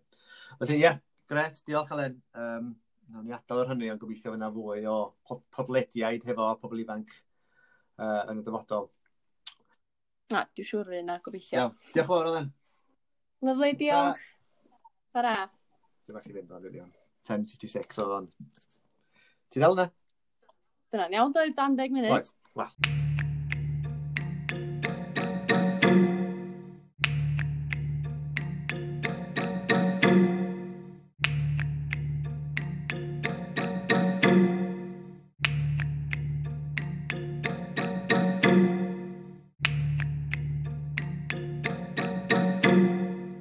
Iawn, so croeso i y podlediad Llwyddo'n Lleol ac uh, Dafydd dwi ac uh, dwi'n gweithio Menter Môn a mae Elen yma sy'n gweithio hefo'r fenter iaith efo ni. Helo, Elen. Helo. A dyn, yn fras bwriad hwn heddiw wedi uh, uh, denu sylw pobl ifanc sy'n siarad rhan o llwyddiant lleol, ond hefyd pobl sydd wedi dod yn cyfrannu'r sgwrs ynglyn â dyfodol cefn gwlad a rôl allweddol sgan bobl ifanc. Felly, um, Elen, chdi sy'n gyfrifol am arwain uh, llwyddiant lleol. Um, pam bod uh, llwyddiant lleol wedi gofod newid? Wel, mae'r prosiect fatha gymaint o bethau eraill yn amlwg yn ystod, cyfnod, yn ystod y cyfnod yma, di goro addasu um, heb llawer o ddewis ac yn hollol ddirybydd. Felly mae o rwan yn brosiect da ni'n defnyddio rhyw fath o strapline bod o'n camu o'r Covid, um, os liciwch chi. Um, achos, wel, dod i'r cynlluniau oedd gen lot o bobl yn eu lle cyn y Covid-19, dydyn nhw bellach ddim mor glir ag oeddan nhw um, a maen nhw jyst i chwalu um, boed bod hynny os o gen rhywun blaniau mynd i deithio, um, mynd i brifysgol, dechrau busnes, cymryd, i, cymryd blwyddyn aidd, cymryd blwyddyn allan, dwi'n meddwl. Um, be bynnag o gynnyn nhw'n ei lle, mae'n debyg bod y firws wedi effeithio ar hynny mewn rhyw ffordd. Um, a wedyn mae'n bwysig wedyn trio dechrau meddwl am ymateb i hynny a mae'n bwysig cynnwys y bobl ifanc yn y sgwrs am sut i daclo fo achos y reality ydy, wel, ni fydd yma hira mm. felly ni sy'n mynd i weld a profi canlyniad yr holl beth um, am yr amser hira da, felly dyna, dyna pam bod y prosiect i newid mewn gwirionedd achos wel Yn gorfod newid. Doedd gynnu dewis nag oedd? Na, sef flaenorol oedd y cynllun yn ceisio lleoli pobl ifanc dros misoedd yr ha benna mewn busnesau yn Gwynedd y Môn. Yeah. Er mwyn cryfhau'r cysylltiad rhwng yr economi a phobl ifanc a trio denw nhw'n ôl. Ond yn amlwg mae hynna'n anodd os nad amhosib. Ond mae'r angen yna, mae'r angen yna fwy na gyrraedd y blaen. Felly, beth di o rwan, Lly Elen? Um, lle wedi newid wan i fod yn brosiect um, byrrach os lici di ond efo o, o, gobeithio canlyniadau hir dymor. Um, lle mae'n cynnig cyfle rwan i bobl ifanc Gwynedd y Môn fod yn rhan o gynllun deg wythnos um, efo cymorth ariannol o fil o bunna. A wedyn fyna sesiynau wythnosol fydd yn cynnwys arweiniad a mentora gan arbenigwyr lleol, um, er mwyn troi rhyw fath o syniad neu rhyw um, ysfa i wneud rhywbeth, um, troi hwnnw'n reality yr, yr unigolyn lle. Um, fydd y deg wsnos yn siwrna, um, a wedyn yn gobeithio helpu'r deg yma fydd y rhan ohono fo i lwyddo a, a hynny yn lleol lle, mm. a hynny yn ystod bywyd ar ôl COVID-19 hefyd lle. Ie, yeah, achos o ran, um, mallwyd dod lleol, rhan o waith Menter Môn, dyn ni gweithio efo'r cynghora, ac er bod na lawer o ddinistyr mewn ffordd yn digwydd yn sgil Covid. Lasa fod yn y gyfleoedd, uh, mae yna heria newydd yn cael eu cyflwyno, mae angen dipyn o greadigrwydd i ymateb i'r heria yna, a mae'n bwysig bod yn egni ar chwilfrydedd a sgiliau pobl ifanc i ymateb. Um, ti wedi sôn yn fanwl, yn, yn eitha manwl ynglyn â'r gweithgareddau, ond be di'r nod, achos mae o'n mae o, yn mynd tu hwnt i'r gweithgareddau penodol, dydy, be di'r nod uh, hangach rhwng y lleol? Um, Dwi'n meddwl, mae yn yr enw o ran llwyddo yn lleol. Dwi'n meddwl bod hynny reit, mae hwnnw'n egluro'i hun, ond ia, wedyn y siwrna'r deg, mae fydd yn rhan o'r cynllun yn amlwg yn canolog i'r nod yna. A mi fydda nhw yn enghraifft o bobl sydd wedi llwyddo yn lleol. A dwi'n gwybod bod na ddatganiad a meddylfryd reit amlwg, fatha reit boblogaidd o does na ddim swyddi, a dydy hynny'n cweit yn wir, achos mae na swyddi does, a mae'r prosiect yma'n gyfle i amlygu hynny lle drwy'r deg person yma, a cydweithio efo cwmnïau sydd yn gofyn am bobl ifanc Cymraeg mm. ac yn y blaen. Ond a mae hwn yn ond mawr ac yn ond eitha pwysig, mae yna elfen o onestrwydd yn perthyn i'r prosiect hefyd lle, a mae hwn, mae'r gonestrwydd yma yn, yn brif nod i'r prosiect hefyd lle. Um, achos dim trio cyflyru meddyliau pobl ifanc i feddwl bod nhw'n nynlla gwell na Gwynedd a Môn o. A does na'n pwynt i ni drio trio confinsio neb fod na unrhyw swydd dan hael a gael yma, achos dydy mm. hynny'n wir. Dwi'n siŵr bod ni gyd yn abod rhywun yn rhywle sydd wedi gorfod gadael am fod y swydd maen nhw isio yn Gardydd, Lerpwl neu lle bynnag o bo hynny tu allan i'r ddwy sir. Mm. A dim angen sbio mewn i hynna de, mae angen trafod y peth a rili really meddwl am sut i newid hynny. Gwneud yn bosib i bobl aros yma os na dyna maen nhw eisiau wneud de. Mm. Um, achos yn ystod yr, well, y misoedd dwytha yma oherwydd y, y, y COVID-19, mae yna gannoedd os nad miloedd o bobl wedi profi bod nhw'n medru gweithio o adra. Felly pam na hynny ddigwydd tod, ar draws cwmnïa mowr, sefydliadau, asiantaethau corfforaethol, proffesiynol ac yn y blaen. Um, mae yn bosib a wedyn os da ni fel pobl ifanc isio hynny ddigwydd mae angen amlygu a lleisio hynny felly ma'r ma ma' hynny'n yn nod i'r prosiect yma hefyd lle enyn y drafodaeth a a t'od gweld be' be' fedrwn ni neud i newid y peth go iawn 'de. Yndi a ac yn barod ti wedi bod yn cael sgyrsiau efo bobl rownd hwn a ac yn sôn am yy ryw dwi yn gynharach doddach yy rhyw ffrind sydd yn... Ia. ...dod nôl ond ond isio mynd nôl i gardydd. Wel ie, do dwi'n dwi gwybod am un ffrind um, sydd wel mae, mae, mae yn gardydd a mae, mae eisiau dod adra ond dydy'r opsiwn yna ddim, ddim yna iddi ar hyn o bryd. Ond y tweet penodol ma eisiau weld oedd gath o gryn dipyn o sylw um, yn egluro sut oedd oedd o'n chwilio am swyddi ac o bob un oedd o eisio oedd nhw'n dod i fyny yn Gaerdydd de. Ac rwan, rwan bod pobl wedi profi hynna na bod na ffordd o wneud hynny yn wahanol um, gweithiadra gan y blaen o mm. so beth yn mynd i gael i wneud i newid, i newid hyn de i wneud o'n bosib i bobl mm Um, to, y peth dwysa da ni eisiau fel cenedlaeth ifanc rwan ydy gwynebu trafferthion i ffeindio swyddi. Mae'n fod ddigon anodd fel mai, de, felly mae yna hmm. le i wneud hynny'n haws, o da ni jyst angen amlygu hynny, a wedyn mae'r prosiect yma'n ffordd gobeithio o wneud hynny. Ia, oedd y gwestiwn arall rhywun ar am beth sydd angen digwydd i wneud um, hi'n haws i lwyddo'n lleol. Dwi'n gwybod bod hwnna'n gwestiwn eitha anodd i watab, ond ti eisiau cynnig ar ni?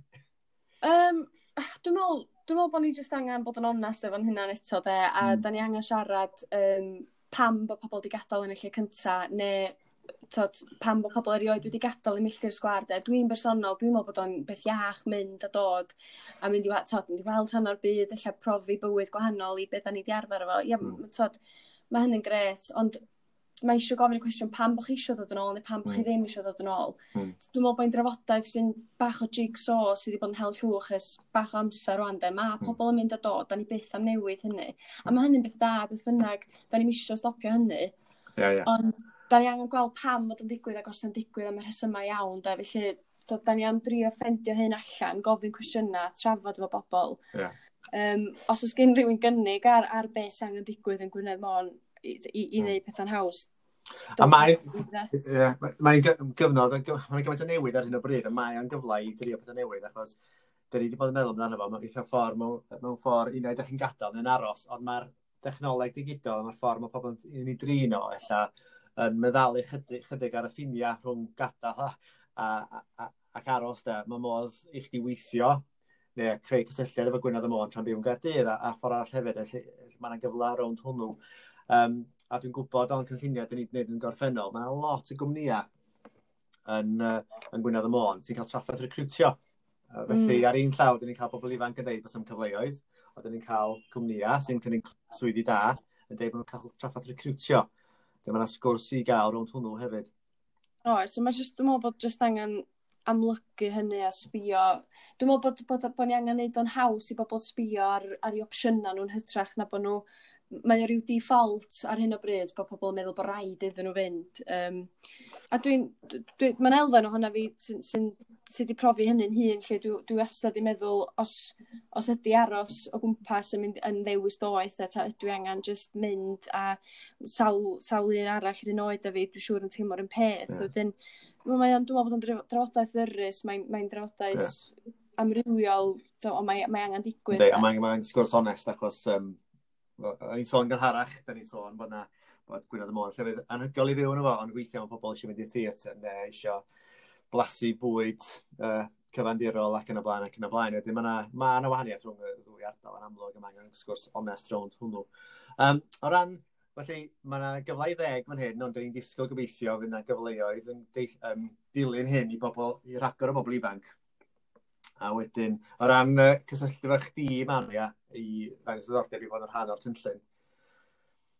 Ie, yeah, so mae yna um, ma fideo byr ar Facebook rhwng rhywun lleol yn um, egluro chydig bach am y cynllun. Dau funud ydy os di rhywun jyst eisiau mynd i weld um, i gynnwys. So wedyn mae modd llenwi Ffurflan Gais ar wefan Menter Môn um, efo rhyw syniad neu rhyw brosiect sgynnych chi, sgynnych chi mewn golwg a wedyn fyddwn ni'n cysylltu wedyn um, os da ni'n meddwl bod y syniad yn un sa'n gweithio ar y cynllun deg wsos yma a mynd o hynny a wedyn mae'r dyddiad cael um, mewn rhyw, ia, mewn rhyw 90 mewn deg diwrnod lle dy syl, mm. dim syl yma, dy syl nesaf yeah lle digon amser i gysylltu os gen rhywun gwestiynau falle hefyd. A jyst i orffen, mae hwn rhan o gynllun arfor um, y Llywodraeth, Cymru a sy'n cael ei um, gefnogi gan Cyngor Gwynedd a Cyngor Môn hefyd, felly mae yna bedneriaeth rhanbarthol i'r cynllun. Felly ie, yeah, gret, diolch Alen. Um, Nawr ni adael o'r hynny, ond gobeithio fyna fwy o podlediaid hefo pobl ifanc uh, yn y dyfodol. Na, dwi'n siŵr un a gobeithio. Iawn, diolch yn fawr Alen. Lyflu, diolch. Bara. Dwi'n bach i fynd o'n rilion. 10.56 o fan. Ti'n dal yna?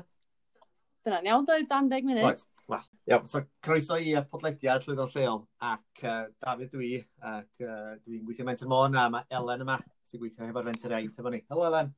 Helo. A dyn, yn fras bwriad hwn heddiw wedi uh, uh, denu sylw pobl ifanc sy'n siarad rhan o Llwyddo'n Lleol ond hefyd pobl sydd wedi dod mewn cyfrannu'r sgwrs ynglyn â dyfodol cefn gwlad a rôl allweddol sgan bobl ifanc. Felly, um, Elen, chdi sy'n gyfrifol am arwain uh, llwyddo'n lleol. Um, pam bod uh, llwyddo'n lleol wedi gofod newid? Wel, mae'r prosiect fatha gymaint o bethau eraill yn amlwg yn ystod, cyfnod, yn ystod y cyfnod yma, di goro addasu um, heb llawer o ddewis ac yn hollol ddirybydd. Felly mae o rwan yn brosiect da ni'n defnyddio rhyw fath o strapline bod o'n camu o'r Covid, um, os liciwch chi. Um, Achos, wel, dod i'r cynlluniau oedd gen lot o bobl yn eu lle cyn y Covid-19, dydyn nhw bellach ni mor glir ag oeddan nhw. Um, a maen nhw jyst i chwalu, um, boed bod hynny, os o gen rhywun blaniau mynd i deithio, um, mynd i brifysgol, dechrau busnes, cymryd, i, cymryd blwyddyn aidd, cymryd blwyddyn allan, dwi'n meddwl.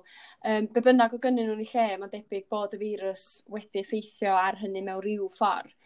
Um, a wedyn mae'n bwysig wedyn trio dechrau meddwl am ymateb i hynny a mae'n bwysig cynnwys y bobl ifanc yn y sgwrs am sut i daclo fo achos y reality ydy, wel, ni fydd yma hira mm. felly ni sy'n mynd i weld a profi canlyniad yr holl beth um, am yr amser hira da felly dyna, yeah. dyna pam bod y prosiect i newid mewn gwirionedd achos wel Dwi'n gorfod newid. Doedd gen dewis na goedd. Na, so flaenorol, oedd y cynllun yn ceisio lleoli pobl ifanc e, dros misoedd yr ha yn benna e, mewn busnesau yn Gwynedd y Môn. Yeah. Er mwyn e, cryfhau'r syllad rhwng yr economi a phobl ifanc a trio denw nhw'n ôl. Ond yn amlwg mae hynna'n anodd os nad amhosib. Ond mae'r angen yna, mae'r angen yna fwy na gyrraedd y blaen. Felly, beth yw'r rwan, Lli Elen? Um, felly, di newid wan i fod yn brosiect um, byrach os lici di ond efo gobeithio canlyniadau hir dymor. Um, lle mae'n cynnig cyfle rwan i bobl ifanc Gwynedd y Môn fod yn rhan o gynllun deg wythnos um, efo cymorth ariannol o fil o bunna. A wedyn fyna sesiynau wythnosol fydd yn cynnwys arweiniad a mentora gan arbenigwyr lleol, um, er mwyn troi rhyw fath o syniad neu rhyw um, ysfa i wneud rhywbeth, um, troi hwnnw'n reality yr, yr unigolyn lle. Um, fydd y deg wsnos yn siwrna, um, a wedyn yn gobeithio helpu'r deg yma fydd yr rhan ohono fo i lwyddo a, a hynny yn lleol lle, mm. a hynny yn ystod bywyd ar ôl COVID-19 hefyd lle. Ie, yeah, achos o ran um, mallwyd yn lleol, rhan o waith Menter Môn, yn ei gweithio efo'r cynghora, a cer bod na lawer o dinistyr mewn ffordd yn digwydd yn sgil Covid. Lasa fod yn y gyfleoedd, uh, mae yna heria newydd yn cael eu cyflwyno. Mae angen dipyn o greadigrwydd i ymateb i'r heria yna. A mae'n bwysig blwyddyn yn egni ar chwilfrydedd a sgiliau pobl ifanc i ymateb. Um, ti wedi sôn yn fanol, yn, yn eitha manol ynglyn â'r gweithgareddau, ond be di'r nod, achos mae o'n mae o, yn mynd i hwnt i'r gweithgareddau penodol, dydy, be di'r nod uh, hangach rhwng y lleol? Um, Wel dwi'n meddwl, mae yn yr enw o ran llwyddo yn lleol. Dwi'n meddwl bod hynny reit, mae hwnnw'n egluro'i hun, ond o ia, wedyn fydd siwrna'r deg, mae fydd yn rhan o'r cynllun yn amlwg yn canolog i'r nod yna. A mi fydda nhw yn enghraifft o bobl sydd wedi llwyddo yn lleol. A dwi'n gwybod bod na ddatganiad a meddylfryd reit amlwg, fatha reit boblogaidd o does na ddim swyddi, a dydy hynny'n cweit yn wir, achos mae na swyddi does, a mae'r prosiect yma'n gyfle i amlygu hynny lle drwy'r deg person yma, a cydweithio efo cwmnïau sydd yn gofyn am bobl ifanc Cymraeg mm. ac yn y blaen. Ond a mae hwn yn ond mawr ac yn ond eitha pwysig mae yna elfen o onestrwydd yn perthyn i'r project hefyd lle, a mae hwn ma'r gonestrwydd yma yn yn brif nod i'r project hefyd lle. Um, achos dim trio cyflyru meddyliau pobl ifanc i feddwl bod yna'n nunlla gwell na Gwynedd a Môn ydi a do's na'n point i ni drio t'o' trio confinsio neb fod na unrhyw swydd dan hael a gael yma, achos dydy mm. hynny'n wir. Dwi'n siŵr bod ni gyd yn abod rhywun yn rhywle sydd wedi gorfod gadael am fod y swydd maen nhw isio yn Gardydd, Lerpwl neu lle bynnag o bo hynny tu allan i'r ddwy sir. Mm. A dim angen sbio mewn i hynna de, mae angen trafod y peth a rili really meddwl am sut i newid hynny. Gwneud yn bosib i bobl aros yma os na dyna maen nhw eisiau wneud de. Mm. Um, achos yn ystod yr, well, y misoedd dwytha yma oherwydd y, y, y COVID-19, mae yna gannoedd os nad miloedd o bobl wedi profi bod nhw'n medru gweithio o adra. Felly pam na hynny ddigwydd tod, ar draws cwmnïa mawr, sefydliadau, asiantaethau corfforaethol, proffesiynol ac yn y blaen. Um, mae yn bosib a wedyn os da ni fel pobl ifanc isio hynny ddigwydd mae angen amlygu a lleisio hynny felly mae'r ma'r ma' hynny'n y nod i'r prosiect yma hefyd lle enyn y drafodaeth a a t'od gweld be' be' fedrwn ni neud i newid y peth go iawn 'de. Yndi ac yn barod ti wedi bod yn cael sgyrsia efo bobl rownd hwn a ac yn sôn am yy ryw dwi yn gynharach doddach yy rhyw ffrind sydd yn... Ia. ...dod nôl ond ond isio mynd nôl i gardydd.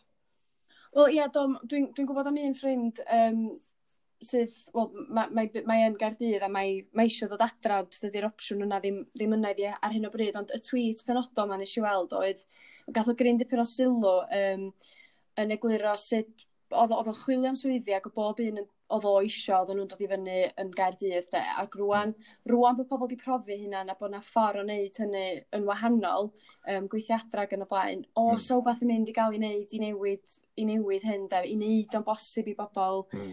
Um, tod, y peth dwysa da ni eisiau fel cenedlaeth ifanc rwan ydy gwynebu trafferthion i ffeindio swyddi. Mae'n fod ddigon anodd fel mai, da, felly mae yna le i wneud hynny'n haws, o da ni jyst angen amlygu hynny, a wedyn mae'r prosiect yma'n ffordd gobeithio o wneud hynny. Ia, oedd y gwestiwn arall fyna am beth sydd angen digwydd i wneud um, hi'n haws i lwyddo'n lleol. Dwi'n meddwl bod hwnna'n gwestiwn eitha anodd i atab, ond ti eisiau rhoi cynnig ar ni? Um, Ah, dwi'n meddwl, dwi meddwl bod ni jyst angen bod yn onest efo'n hynna'n eto 'de a mm. da ni angen siarad um, pam bod pobl wedi gadael yn y lle cynta neu t'od pam bod pobl erioed wedi gadael i milltir sgwâr 'de dwi'n bersonol dwi'n meddwl bod o'n beth iach mynd a dod a mynd i t'od mynd i weld rhan o'r byd ella profi bywyd gwahanol i beth da ni wedi arfer efo ia mm. t'od mae hynny'n gret, ond mae eisiau gofyn y cwestiwn pam bod chi eisiau dod yn ôl neu pam bod chi ddim eisiau dod yn ôl. Mm. Dwi'n meddwl bod e'n drafodaeth sy'n bach o jigsaw sydd wedi bod yn hel llwch ys bach o amser rwan de. Mae mm. pobl yn mynd a dod, da ni byth am newid hynny. A mae hynny'n beth da, beth bynnag, da ni'n eisiau stopio hynny. Yeah, yeah. Ond da ni angen gweld pam fod yn digwydd ac os yn digwydd am y rhesymau iawn Da, Felly, do, da ni am drio ffendio hyn allan, gofyn cwestiynau, trafod efo bobl. Yeah. Um, os oes gen rhywun gynnig ar, ar beth sy'n angen digwydd yn Gwynedd Môn, i, i, i hmm. wneud pethau'n haws.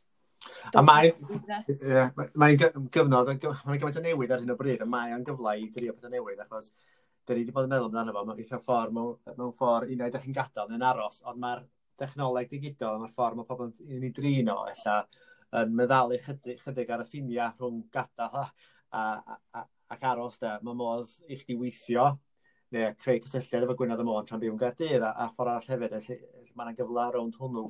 Um, a dwi'n gwybod o'n cynlluniau dyn ni'n gwneud yn gorffennol, mae lot o gwmnïau yn, uh, yn Gwynedd y Môn sy'n cael traffaith recrwtio. Uh, felly, mm. ar un llaw, dyn ni'n cael pobl ifanc yn dweud bod am cyfleoedd, a dyn ni'n cael cwmnïau sy'n cynnig swyddi da yn dweud bod nhw'n cael traffaith recrwtio. Dyma yna sgwrs i gael rownd hwnnw hefyd. O, oh, so mae just, dwi'n meddwl bod just angen amlygu hynny a sbio. Dwi'n meddwl bod, bod, bod, bod ni angen neud o'n haws i bobl sbio ar, ar ei opsiynau nhw'n hytrach na bod nhw mae o ryw default ar hyn o bryd bod pobl yn meddwl bod rhaid iddyn nhw fynd. Um, a dwi'n, dwi, dwi mae'n elfen ohona fi sy'n sy, sy wedi profi hynny'n hun, lle dwi, dwi wastad i meddwl os, os ydy aros o gwmpas yn, mynd, yn ddewis doeth, a i angen just mynd a sawl, sawl un arall yr oed a fi, dwi'n siŵr yn teimlo'r un peth. Yeah. Wedyn, mae dwi'n meddwl bod o'n drafodaeth ddyrus, mae'n mae, drafodaeth yeah. amrywiol, ond mae, mae angen digwydd. Mae'n mae sgwrs onest achos um, o'n i'n sôn gynharach, da ni'n sôn bod na bod Gwynedd y Môr llefydd anhygol i fyw yn efo, ond weithio mae pobl eisiau mynd i theatr neu eisiau blasu bwyd uh, cyfandirol ac yn y blaen ac yn y blaen. Wedyn mae yna ma wahaniaeth rhwng y ddwy ardal yn amlwg yma angen sgwrs onest rownd hwnnw. Um, o ran, felly mae yna gyfle i ddeg fan hyn, ond dyn ni'n disgwyl gobeithio fydd yna gyfleoedd yn um, dilyn hyn i bobl, i ragor o bobl ifanc. A wedyn, o ran uh, cysylltu fe chdi, Maria, i ddangos ddiddordeb i fod yn rhan o'r cynllun. Ie, yeah, so mae yna um, ma fideo byr ar Facebook rhwng rhywun lleol yn um, egluro chydig bach am y cynllun. Dau funud ydy os di rhywun jyst eisiau mynd i weld um, i gynnwys. So wedyn mae modd llenwi ffurflen gais ar wefan Menter Môn um, efo rhyw syniad neu rhyw brosiect sgynna chi, chi mewn golwg a wedyn fyddwn ni'n cysylltu wedyn um, os da ni'n meddwl bod y syniad yn un san gweithio ar y cynllun deg wsos yma a mynd o hynny a wedyn mae'r dyddiad cael um, mewn rhyw, ia, mewn rhyw 90, mewn deg diwrnod, lle dy syl, mm. dim syl yma, dy syl nesa. Yeah. Lle digon amser i gysylltu os gen rhywun gwestiynau falle hefyd. A jyst i orffen, mae hwn rhan o gynllun arfor, um, y Llywodraeth, Llywodraeth Cymru a sy'n cael ei um, gefnogi gan Cyngor Gwynedd a Cyngor Môn hefyd, felly mae yna bedneriaeth rhanbarthol i'r cynllun. Felly ie, yeah, gret, diolch Alen. Um, Nawn ni adael o'r hynny, ond gobeithio fyna fwy o podlediaid hefo pobl ifanc uh, yn y dyfodol. Na, dwi'n siŵr fi yna, gobeithio. Iawn, diolch fawr Alen. Lyflu, diolch. Bara. Dwi'n bach i fynd o'n filion. 10.56 oedd o'n. Ti'n dal yna? Dyna'n iawn doedd, dan deg munud. Oes, Wel, iawn. So, croeso i y podlediad Llwyddo'n Lleol ac uh, David dwi, ac uh, dwi'n gweithio Mentor Môn a mae Elen yma sy'n gweithio hefo'r fenter Iaith efo ni. Helo Elen. Helo. A dyn, yn fras bwriad hwn heddiw wedi uh, uh, denu sylw pobl ifanc sy'n siarad rhan o Llwyddo'n Lleol, ond hefyd pobl sy'n diddordeb yn cyfrannu'r sgwrs ynglyn â dyfodol cefn gwlad a rôl allweddol sgan bobl ifanc. Felly, um, Elen, chdi sy'n gyfrifol am arwain uh, llwyddiant lleol.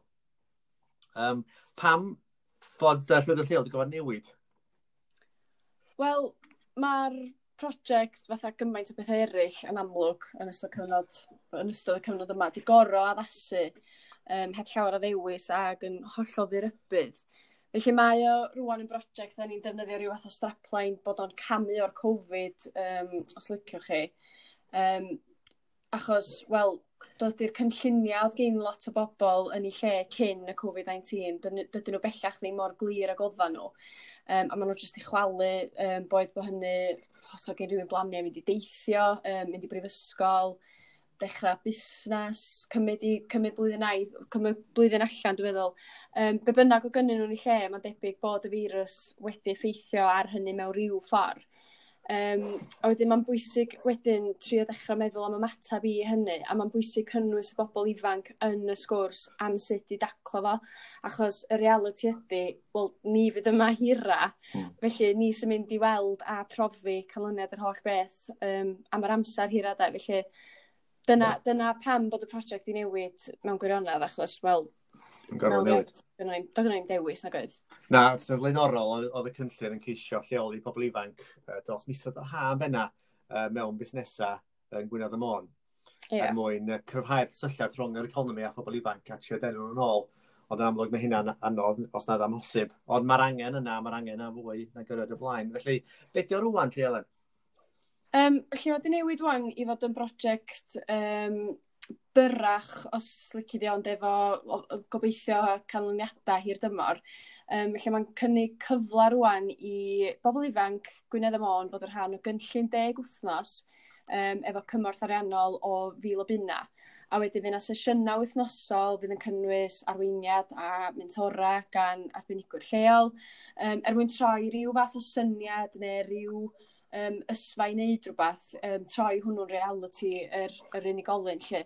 Um, fydd y deg wsnos yn siwrna, um, a wedyn yn gobeithio helpu'r deg yma fydd yr rhan ohono fo i lwyddo a, a hynny yn lleol lle, mm. a hynny yn ystod bywyd ar ôl COVID-19 hefyd lle. Ie, yeah, achos o ran um, mallwyd yn lleol, rhan o waith Menter Môn, dyn gweithio fo'r cynghora, a cer bod na lawer o ddinistyr mewn ffordd yn digwydd yn sgil Covid, lasa fod yn y gyfleoedd, uh, mae yna heria newydd yn cael eu cyflwyno, mae angen dipyn o greudigrwydd i ymateb i'r heria yna, a mae'n bwysig blwyddyn egni ar chwilfrydedd a sgiliau pobl ifanc i ymateb.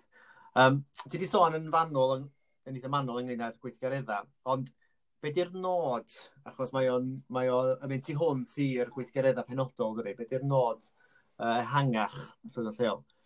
Um, Wel dwi'n meddwl, mae yn yr enw o ran llwyddo yn lleol. Dwi'n meddwl bod hynny reit, mae hwnnw'n egluro'i hun, ond o ia, wedyn y siwrna'r deg, mae fydd yn rhan o'r cynllun yn amlwg yn canolog i'r nod yna. A mi fydda nhw yn enghraifft o bobl sydd wedi llwyddo yn lleol. A dwi'n gwybod bod na ddatganiad a meddylfryd reit amlwg, fatha reit boblogaidd o does na ddim swyddi, a dydy hynny'n cweit yn wir, achos mae na swyddi does, a mae'r prosiect yma'n gyfle i amlygu hynny lle drwy'r deg person yma, a cydweithio efo cwmnïau sydd yn gofyn am bobl ifanc Cymraeg mm. ac yn y blaen. Ond a mae hwn yn ond mawr ac yn ond eitha pwysig mae yna elfen o onestrwydd yn perthyn i'r project hefyd lle, a mae hwn ma'r gonestrwydd yma yn yn brif nod i'r project hefyd lle. Um, achos dim trio cyflyru meddyliau pobl ifanc i feddwl bod yna'n nunlla gwell na Gwynedd am o'n ydio. o a do's na'n pwynt i ni drio trio confinsio neb fod na unrhyw swydd dan hael a gael yma, achos dydy mm. hynny hynny'n wir. Dwi'n siŵr bod ni gyd yn abod rhywun yn rhywle sydd wedi gorfod gadael am fod y swydd maen nhw isio yn Gardydd, Lerpwl, neu lle bynnag o bo hynny tu allan i'r ddwy sir. Mm. A dim angen sbio mewn i hynna de, mae angen trafod y peth a rili really meddwl am sut i newid hynny. Gwneud yn bosib i bobl aros yma os na dyna maen nhw eisiau wneud de. Mm. Um, achos yn ystod yr, well, y misoedd dwytha yma oherwydd y, y, y COVID-19, mae yna gannoedd os nad miloedd o bobl wedi profi bod nhw'n medru gweithio o adra. Felly pam na hynny ddigwydd tod, ar draws cwmnïa mawr, sefydliadau, asiantaethau corfforaethol, proffesiynol ac yn y blaen Um, mae yn bosib a wedyn os da ni fel pobl ifanc isio hynny ddigwydd mae angen amlygu a lleisio hynny felly mae ma ma' hynny'n y nod i'r prosiect yma hefyd lle enyn y drafodaeth a a t'od gweld be' be' fedrwn ni neud i newid y peth go iawn 'de. Yndi ac yn barod ti wedi bod yn cael sgyrsiau efo bobl rownd hwn a ac yn sôn am yy ryw dwît yn gynharach doddach yn yy ryw ffrind sydd yn... Ia. ...dod nôl ond ond isio mynd nôl i Gaerdydd. Wel ie, yeah, dwi'n dwi gwybod am un ffrind um, sydd wel mae mae, mae yn gardydd a mae, mae eisiau dod adra ond dydy'r opsiwn yna ddim, ddim yna iddi ar hyn o bryd ond y tweet penodol ma'n eisiau weld oedd gath o gryn dipyn o sylw um, yn egluro sut oedd o'n chwilio am swyddi ac o bob un oedd o isio, oedd nhw'n dod i fyny yn Gaerdydd de, ac rwan, rwan bod pobl wedi profi hynna na bod yna ffordd o wneud hynny yn wahanol, um, gweithiadra gan y blaen, o, mm. so beth yn mynd i gael i wneud, i newid, i newid hyn de, i wneud o'n bosib i bobl, mm. Um, tod, y peth dwysa da ni eisiau fel cenedlaeth ifanc rwan ydy gwynebu trafferthion i ffeindio swyddi. Mae'n fod ddigon anodd fel mae, de, felly mae yna le i wneud hynny'n haws, o da ni jyst angen amlygu hynny, a wedyn mae'r prosiect yma'n ffordd gobeithio o wneud hynny. Ia, oedd y gwestiwn arall fyna am beth sydd angen digwydd i wneud um, hi'n haws i lwyddo'n lleol. Dwi'n gwybod bod hwnna'n gwestiwn eitha anodd i fatab, ond ti eisiau cynnig o'n i? Um, Ah, dwi'n meddwl, dwi'n meddwl bod ni jyst angen bod yn onest efo'n hynna'n eto de, a mm. da ni angen siarad um, pam bod pobl wedi gadael yn y lle cynta, neu tod, pam bod pobl erioed wedi gadael i milltir sgwar de. Dwi'n bersonol, dwi'n meddwl bod o'n beth iach mynd a dod a mynd i, tod, mynd i weld rhan o'r byd, eich profi bywyd gwahanol i beth da ni wedi arfer efo. Ia, mm. tod, mae hynny'n gret, ond mae eisiau gofyn y cwestiwn pam bod chi eisiau dod yn ôl neu pam bod chi ddim eisiau dod yn ôl. Mm. Dwi'n meddwl bod e'n drafodaeth sy'n bach o jigsaw sydd wedi bod yn hel llwch ys bach o amser rwan de. Mae pobl yn mynd a dod, da ni byth am newid hynny.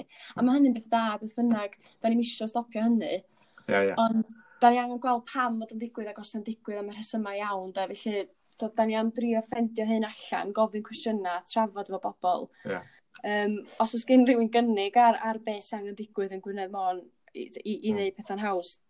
A mae, mae'n gyfnod, mae'n gymaint o newid ar hyn o bryd, a mae'n gyfle i drio pethau newid, achos dyn ni wedi bod yn meddwl amdano fo, mae'n eitha ffordd, mewn ffordd, un o'i chi'n gadael yn aros, ond mae'r dechnoleg digidol, mae'r ffordd mae pobl yn ei drin o, ella, yn meddalu chydig, chydig ar y ffiniau rhwng gadael a, a, a, ac aros, da. Mae modd i chdi weithio, neu creu cysylltiad efo Gwynedd y Môn tra'n byw yn Gaerdydd, a, a ffordd arall hefyd, mae'n gyfle rownd hwnnw. Um, a dwi'n gwybod o'n cynlluniau dyn ni'n gwneud yn gorffennol, mae yna lot o gwmnïau yn, uh, yn Gwynedd y Môn sy'n cael traffaith recrwtio. Uh, felly mm. ar un llaw, dyn ni'n cael bobl ifanc yn dweud bod ym cyfleoedd, a dyn ni'n cael cwmnïau sy'n cynnig swyddi da yn dweud bod nhw'n cael traffaith recrwtio. Dyma yna sgwrs i gael rownd hwnnw hefyd. O, so mae jyst, dwi'n meddwl bod jyst angen amlygu hynny a sbio. Dwi'n meddwl bod, bod, bod, bod ni angen neud o'n haws i bobl sbio ar, ar ei opsiynau nhw'n hytrach na bod nhw mae o ryw default ar hyn o bryd bod pobl yn meddwl bod rhaid iddyn nhw fynd. Um, a dwi'n, dwi, dwi mae'n elfen ohona fi sy'n sy, sy, sy profi hynny'n hun, lle dwi, dwi wastad i meddwl os, os ydy aros o gwmpas yn, mynd, yn ddewis doeth, a dwi angen just mynd a sawl, sawl un arall yr un oed a fi, dwi'n siŵr yn teimlo'r un peth. Yeah. Wedyn, mae dwi'n meddwl bod o'n drafodaeth ddyrus, mae'n mae drafodaeth yeah. amrywiol, o, mae, mae angen digwydd. Dei, a mae'n mae sgwrs onest, achos um, o'n i'n sôn gynharach, da ni'n sôn bod na bod Gwynedd y Môn llefydd anhygol i fyw yn efo, ond weithiau mae pobl eisiau mynd i theatr neu eisiau blasu bwyd uh, cyfandirol ac yn y blaen ac yn y blaen. Wedyn mae yna ma wahaniaeth rhwng y ddwy ardal yn amlwg yma mae angen sgwrs onest rownd hwnnw. Um, o ran, felly mae yna gyfle i ddeg fan hyn, ond ni'n disgwyl gobeithio fydd yna gyfleoedd yn um, dilyn hyn i, bobl, i ragor o bobl ifanc. A wedyn, o ran uh, cysylltu fe chdi, Maria, i ddangos ddordeb i fod yn rhan o'r cynllun. Ie, yeah, so mae yna um, ma fideo byr ar Facebook rhwng rhywun lleol yn um, egluro chydig bach am y cynllun. Dau funud ydy os di rhywun jyst eisiau mynd i weld um, i gynnwys. So wedyn mae modd llenwi Ffurflan Gais ar wefan Menter Môn um, efo rhyw syniad neu rhyw brosiect sgynnach chi, sgynnach chi mewn golwg a wedyn fyddwn ni'n cysylltu wedyn um, os da ni'n meddwl bod y syniad yn un san gweithio ar y cynllun deg wsos yma a mynd o hynny a wedyn mae'r dyddiad cau um, mewn rhyw, ia, mewn rhyw 90 mewn deg diwrnod lle dy syl, hmm. dim syl yma, dy syl nesa. Yeah lle digon amser i gysylltu os gen rhywun gwestiynau falle hefyd. A jyst i orffen, mae hwn rhan o gynllun arfor um, y Llywodraeth, Llywodraeth Cymru a sy'n cael ei um, gefnogi gan Cyngor Gwynedd a Cyngor Môn hefyd, felly mae yna bedneriaeth rhanbarthol i'r cynllun. Felly ie, yeah, gret, diolch Alen. Um, Nawn ni adael o'r hynny, ond gobeithio fyna fwy o podlediaid hefo pobl ifanc uh, yn y dyfodol. Na, dwi'n siŵr fi yna, gobeithio. Iawn, diolch fawr Alen. Lyflu, diolch. Fara. Dwi'n falle fynd o'n rilion. 10.56 oedd o'n. Ti'n dal yna? Dyna'n iawn doedd, dan deg munud. Right. Well, iawn, so croeso i podlediad Llwyddo'n Lleol ac uh, David dwi, ac uh, dwi'n gweithio Menter Môn a mae Elen yma sy'n gweithio hefo'r Menter Iaith efo ni. Helo Elen. Helo. A dyn, yn fras bwriad hwn heddiw wedi uh, uh, denu sylw pobl ifanc sy'n siarad rhan o Llwyddo'n Lleol, ond hefyd pobl sy'n diddordeb yn cyfrannu'r sgwrs ynglyn â dyfodol cefn gwlad a rôl allweddol sgan bobl ifanc. Felly, um, Elen, chdi sy'n gyfrifol am arwain uh, llwyddiant lleol. Um, pam bod uh, llwyddiant lleol wedi gofod newid? Wel, mae'r prosiect fatha gymaint o bethau eraill yn amlwg yn ystod, cyfnod, yn ystod y cyfnod yma, di goro addasu um, heb llawer o ddewis ac yn hollol ddirybydd. Felly mae o rwan yn brosiect da ni'n defnyddio rhyw fath o strapline bod o'n camu o'r Covid, um, os lyciwch chi. Um, Achos, wel, doedd di'r cynlluniau oedd gen lot o bobl yn eu lle cyn y Covid-19, dydyn nhw bellach neu mor glir ag oeddan nhw. Um, a maen nhw jyst i chwalu, um, boed bod hynny, os o gen rhywun blaniau mynd i deithio, um, mynd i brifysgol, dechrau busnes, cymryd, i, cymryd blwyddyn, ai, cymryd blwyddyn allan, dwi'n meddwl. Um, be bynnag o gynnyn nhw'n ei lle, mae'n debyg bod y firws wedi effeithio ar hynny mewn rhyw ffordd. Um, a wedyn mae'n bwysig wedyn trio dechrau meddwl am ymateb i hynny a mae'n bwysig cynnwys y bobl ifanc yn y sgwrs am sut i daclo fo achos y reality ydy, wel, ni fydd yma hira mm. felly ni sy'n mynd i weld a profi canlyniad yr holl beth um, am yr amser hira da felly dyna, yeah. dyna pam bod y prosiect i newid mewn gwirionedd achos wel Yn gorfod newid. Doedd gen i'n dewis nag oedd. Na, sy'n flaenorol, oedd y cynllun yn ceisio lleoli pobl ifanc dros misoedd yr ha benna mewn busnesau yn Gwynedd y Môn. Yeah. Er mwyn cryfhau'r cysylltiad rhwng yr economi a phobl ifanc a trio denw nhw'n ôl. Ond yn amlwg mae hynna'n anodd os nad amhosib. Ond mae'r angen yna, mae'r angen yna fwy na gyrraedd y blaen. Felly, beth yw'r rwan, Lly Elen? Um, mae di newid wan i fod yn brosiect um, byrach os lici di ond efo gobeithio canlyniadau hir dymor. Um, lle mae'n cynnig cyfle rwan i bobl ifanc Gwynedd y Môn fod yn rhan o gynllun deg wythnos um, efo cymorth ariannol o fil o bunna.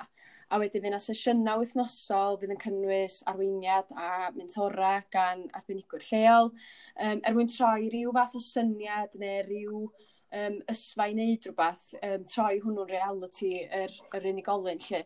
Um, fydd y deg wsnos yn siwrna, um, a wedyn yn gobeithio helpu'r deg yma fydd y rhan ohono fo i lwyddo a, a hynny yn lleol lle, mm. a hynny yn ystod bywyd ar ôl COVID-19 hefyd lle. Ie, yeah, achos o ran, um, falle dod lleol, rhan o waith Menter Môn, dyn ni gweithio fe cynghora, ac er bod na lawer o ddinistyr mewn ffordd yn digwydd yn sgil Covid, lasa fod yn y gyfleoedd, uh, mae yna heria newydd yn cael eu cyflwyno, mae angen dipyn o greadigrwydd i ymateb i'r heria yna, a mae'n bwysig bod yn egni ar chwilfrydedd a sgiliau pobl ifanc i ymateb. Um, ti wedi sôn yn fanwl, yn, yn eitha manwl ynglyn â'r gweithgaredda, ond be di'r nod, achos mae o'n mae o, mynd tu hwnt i'r gweithgaredda penodol, dydy, be di'r nod uh, hangach rhwng lleol? Um, O, dwi'n meddwl, mae yn yr enw o ran llwyddo yn lleol. Dwi'n meddwl bod hynny reit, mae hwnnw'n egluro'i hun, ond o ia, wedyn fydd siwrna'r deg, mae fydd yn rhan o'r cynllun yn amlwg yn canolog i'r nod yna. A mi fydda nhw yn enghraifft o bobl sydd wedi llwyddo yn lleol.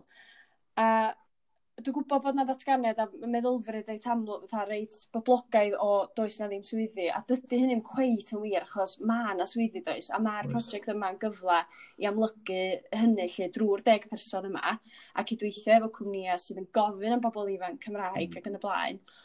Ond a mae hwn yn ond mawr ac yn ond eitha pwysig, mae yna elfen o onestrwydd yn perthyn i'r prosiect hefyd lle, a mae hwn, mae'r gonestrwydd yma yn yn brif nod i'r prosiect hefyd lle. Um, achos dim trio cyflyru meddyliau pobl ifanc i feddwl bod yna'n nynlla gwell na Gwynedd am o'n ydio.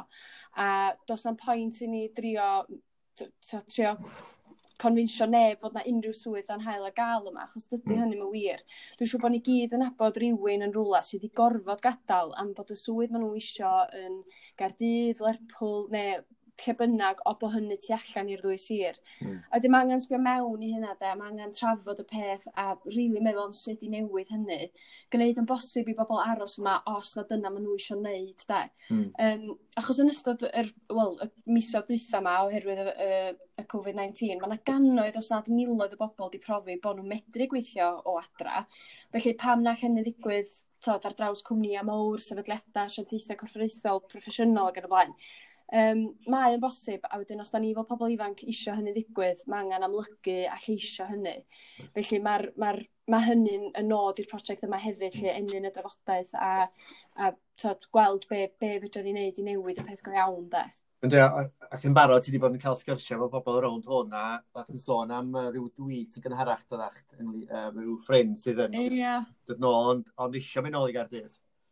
Wel ie, yeah, dwi'n dwi gwybod am un ffrind um, sydd wel mae, mae mae yn gardydd a mae mae eisiau ddod adra dydy'r opsiwn yna ddim ddim yna iddi ar hyn o bryd. Ond y tweet penodol 'ma eisiau weld oedd gath o gryn dipyn o sylw um, yn egluro sut oedd, o'dd o'n chwilio am swyddi ac o' bob un oedd o eisiau oedd nhw'n dod i fyny yn Gaerdydd de. Ac rwan, rwan bod pobl wedi profi hynna a bod 'na ffordd o wneud hynny yn wahanol um, gweithiadra gan y blaen o's hmm. 'na wbath yn mynd i gael 'i wneud, i newid i newid hyn de i wneud o'n bosib i bobl mm Um, tod, y peth dwysa da ni eisiau fel cenedlaeth ifanc rwan ydy gwynebu trafferthion i ffeindio swyddi. Mae'n fod ddigon anodd fel mai, de, felly mae yna le i wneud hynny'n haws, o da ni jyst angen amlygu hynny, a wedyn mae'r prosiect yma'n ffordd gobeithio o wneud hynny.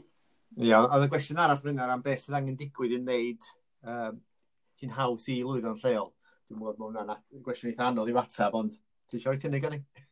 Um, dwi'n meddwl, dwi'n meddwl bod ni jyst angen bod yn onest efo'n hynna'n eto 'de a mm. da ni angen siarad um, pam bod pobl wedi gadael yn y lle cynta neu t'od pam bod pobl erioed wedi gadael i milltir sgwar 'de dwi'n bersonol dwi'n meddwl bod o'n beth iach mynd a dod a mynd i t'od mynd i weld rhan o'r byd ella profi bywyd gwahanol i beth da ni wedi arfer efo ia mm. t'od ma' hynny'n gret, ond mae eisiau gofyn y cwestiwn pam bod chi eisiau dod yn ôl neu pam bod chi ddim eisiau dod yn ôl. Mm. Dwi'n meddwl bod hi'n drafodaeth sy'n bach o jigsaw sydd wedi bod yn hel llwch ys bach o amser rwan de. Mae mm. pobl yn mynd a dod, da ni byth am newid hynny.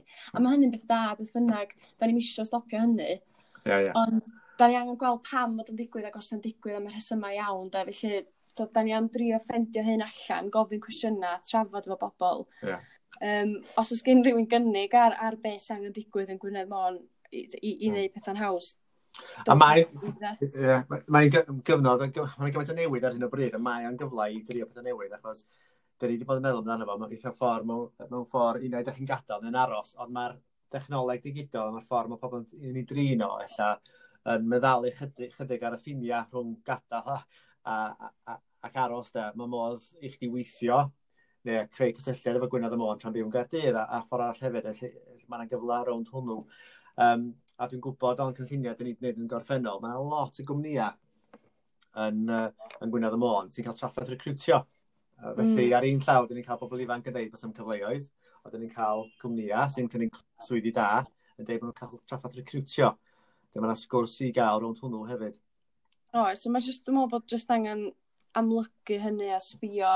Dwi'n meddwl bod, bod, bod, bod ni angen neud o'n haws i bobl sbio ar, ar ei opsiynau nhw'n hytrach na bod nhw mae o ryw default ar hyn o bryd bod pobl yn meddwl bod rhaid iddyn nhw fynd. Um, a dwi'n, dwi, dwi, mae'n elfen ohona fi sy'n sy, sy wedi profi hynny'n hun lle dwi, dwi wastad i meddwl os, os ydy aros o gwmpas yn mynd yn ddewis doeth a e, ta, dwi angen just mynd a sawl, sawl un arall yr un oed a fi dwi'n siŵr yn teimlo'r un peth. Yeah. Wedyn, mae dwi'n meddwl bod o'n drafodaeth ddyrus, mae'n mae drafodaeth yeah. amrywiol, ond mae, mae angen digwydd. Mae'n mae sgwrs onest achos um, o'n i'n sôn gynharach, da ni'n sôn bod na bod Gwynedd y Môn llefydd anhygol i fyw yn efo, ond weithiau mae pobl eisiau mynd i theatr neu eisiau blasu bwyd uh, cyfandirol ac yn y blaen ac yn y blaen. Wedyn mae yna ma wahaniaeth rhwng y ddwy ardal yn amlwg yma angen sgwrs onest rownd hwnnw.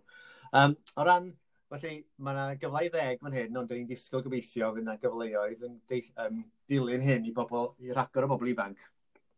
A wedyn, o ran uh, cysylltu fe chdi, Maria, i ddangos ddordeb i fod yn rhan o'r cynllun.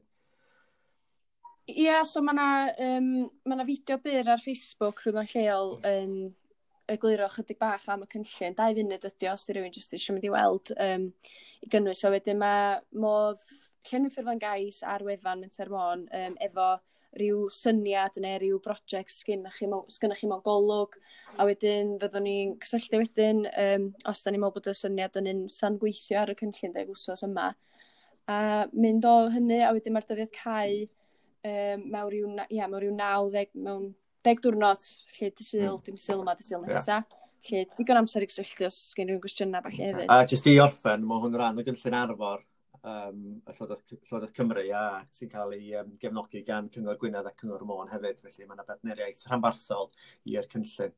Felly ie, yeah, gret, diolch Alen. Um, Nawr ni adael o'r hynny, ond gobeithio fyna fwy o podlediaid hefo pobl ifanc uh, yn y dyfodol. Na, dwi'n siŵr fydd na, gobeithio. Iawn, diolch yn fawr, Alen. Lyflu, diolch. Bara. Dwi'n bach i fynd, Alen, 10.56 oedd o'n. Ti'n dal yna? Dyna'n iawn, doedd 10 munud. Right. Well, iawn, so croeso i uh, podlediad Llwyddo Lleol ac uh, David dwi ac uh, dwi'n gweithio Mentor Môn a mae Elen yma sy'n gweithio hefo'r fenter Iaith efo ni. Helo Elen. Helo. A dyn, yn fras bwriad hwn heddiw wedi uh, uh, denu sylw pobl ifanc sy'n siarad rhan o Llwyddo'n Lleol ond hefyd pobl sy'n wedi dod yn cyfrannu'r sgwrs ynglyn â dyfodol cefn gwlad a rôl allweddol sgan bobl ifanc. Felly, um, Elen, chdi sy'n gyfrifol am arwain uh, llwyddo'n lleol. Um, pam bod uh, llwyddo'n lleol wedi gofod newid? Wel, mae'r prosiect fatha gymaint o bethau eraill yn amlwg yn ystod, cyfnod, yn ystod y cyfnod yma, di goro addasu um, heb llawer o ddewis ac yn hollol ddirybydd. Felly mae o rwan yn brosiect da ni'n defnyddio rhyw fath o strapline bod o'n camu o'r Covid, um, os liciwch chi. Um, achos, wel, dod i'r cynlluniau oedd gen lot o bobl yn eu lle cyn y Covid-19, dydyn nhw bellach ddim mor glir ag oeddan nhw. Um, a maen nhw jyst i chwalu, um, boed bod hynny, os o gen rhywun blaniau mynd i deithio, um, mynd i brifysgol, dechrau busnes, cymryd, i, cymryd blwyddyn ai, cymryd blwyddyn allan, dwi'n meddwl. Um, be bynnag o gynnyn nhw'n ei lle, mae'n debyg bod y virus wedi effeithio ar hynny mewn rhyw ffordd. Um, a wedyn mae'n bwysig wedyn trio dechrau meddwl am ymateb i hynny, a mae'n bwysig cynnwys y bobl ifanc yn y sgwrs am sut i daclo fo, achos y reality ydy, wel, ni fydd yma hira, mm. felly ni sy'n mynd i weld a profi canlyniad yr holl beth um, am yr amser hira, da, felly dyna, yeah. dyna pam bod y prosiect i newid mewn gwirionedd, achos, wel, Yn gorfod newid. Do gynnau dewis na goedd? Na, sef flaenorol oedd y cynllun yn ceisio lleoli pobl ifanc uh, dros misoedd yr ha yn benna uh, e, mewn busnesau yn Gwynedd y Môn. Yeah. Er mwyn uh, cryfhau'r syllad rhwng yr economi a phobl ifanc a trio denw yn ôl. Ond yn amlwg mae hynna'n anodd os nad amhosib. Ond mae'r angen yna, mae'r angen yna fwy na gyrraedd y blaen. Felly, beth yw'r rwan, Lly Elen? Um, felly, mae wedi newid wan i fod yn brosiect um, byrach os lici di ond efo gobeithio canlyniadau hir dymor. Um, lle mae'n cynnig cyfle rwan i bobl ifanc Gwynedd y Môn fod yn rhan o gynllun deg wythnos um, efo cymorth ariannol o fil o bunna. A wedyn fyna sesiynau wythnosol fydd yn cynnwys arweiniad a mentora gan arbenigwyr lleol, um, er mwyn troi rhyw fath o syniad neu rhyw um, ysfa i wneud rhywbeth, um, troi hwnnw'n reality yr, yr unigolyn lle. Um, fydd y deg wsnos yn siwrna, um, a wedyn yn gobeithio helpu'r deg yma fydd yr rhan ohono fo i lwyddo a, a hynny yn lleol lle, mm. a hynny yn ystod bywyd ar ôl COVID-19 hefyd lle. Ie, yeah, achos o ran um, mallwyd lleol, rhan o waith Menter Môn, dyn gweithio efo'r cynghora, a cer bod na lawer o dinistyr mewn ffordd yn digwydd yn sgil Covid. Lasa fod yn y gyfleoedd, uh, mae yna heria newydd yn cael eu cyflwyno. Mae angen dipyn o greadigrwydd i ymateb i'r heria yna. A mae'n bwysig blwyddyn ni egni ar chwilfrydedd a sgiliau pobl ifanc i ymateb. Um, ti wedi sôn yn fanol, yn, yn eitha manol ynglyn â'r gweithgareddau, ond be di'r nod, achos mae o'n mae o, yn mynd tu hwnt i'r gweithgareddau penodol, dydy, be di'r nod uh, hangach rhwng y lleol? Um, O, dwi'n meddwl, mae yn yr enw o ran llwyddo yn lleol. Dwi'n meddwl bod hynny reit, mae hwnnw'n egluro'i hun, ond o ia, wedyn fydd siwrna'r deg, mae fydd yn rhan o'r cynllun yn amlwg yn canolog i'r nod yna. A mi fydda nhw yn enghraifft o bobl sydd wedi llwyddo yn lleol. A dwi'n gwybod bod na ddatganiad a meddylfryd reit amlwg, fatha reit boblogaidd o does na ddim swyddi, a dydy hynny'n cweit yn wir, achos mae na swyddi does, a mae'r prosiect yma'n gyfle i amlygu hynny lle drwy'r deg person yma, a cydweithio efo cwmnïau sydd yn gofyn am bobl ifanc Cymraeg mm. ac yn y blaen. Ond, a mae hwn yn ond mawr ac yn ond eitha pwysig, mae yna elfen o onestrwydd yn perthyn i'r prosiect hefyd lle, a mae hwn, mae'r gonestrwydd yma yn yn brif nod i'r prosiect hefyd lle. Um, achos dim trio cyflyru meddyliau pobl ifanc i feddwl bod yna'n nunlla gwell na Gwynedd a Môn ydio. A does na'n pwynt i ni drio, trio confinsio neb fod na unrhyw swydd dan hael a gael yma, achos dydy mm. hynny'n wir. Dwi'n siŵr bod ni gyd yn abod rhywun yn rhywle sydd wedi gorfod gadael am bod y swydd maen nhw eisiau yn Gardydd, Lerpwl, neu lle bynnag o bo hynny tu allan i'r ddwy sir. Mm. A dim angen sbio mewn i hynna de, mae angen trafod y peth a rili really meddwl am sut i newid hynny. Gwneud yn bosib i bobl aros yma os na dyna maen nhw eisiau wneud de. Mm. Um, achos yn ystod yr, well, y misoedd dwytha yma oherwydd y, y, y COVID-19, mae yna gannoedd os nad miloedd o bobl wedi profi bod nhw'n medru gweithio o adra. Felly pam na hynny ddigwydd tod, ar draws cwmni cwmnïa mawr, sefydliadau, asiantaethau corfforaethol, proffesiynol ac yn y blaen.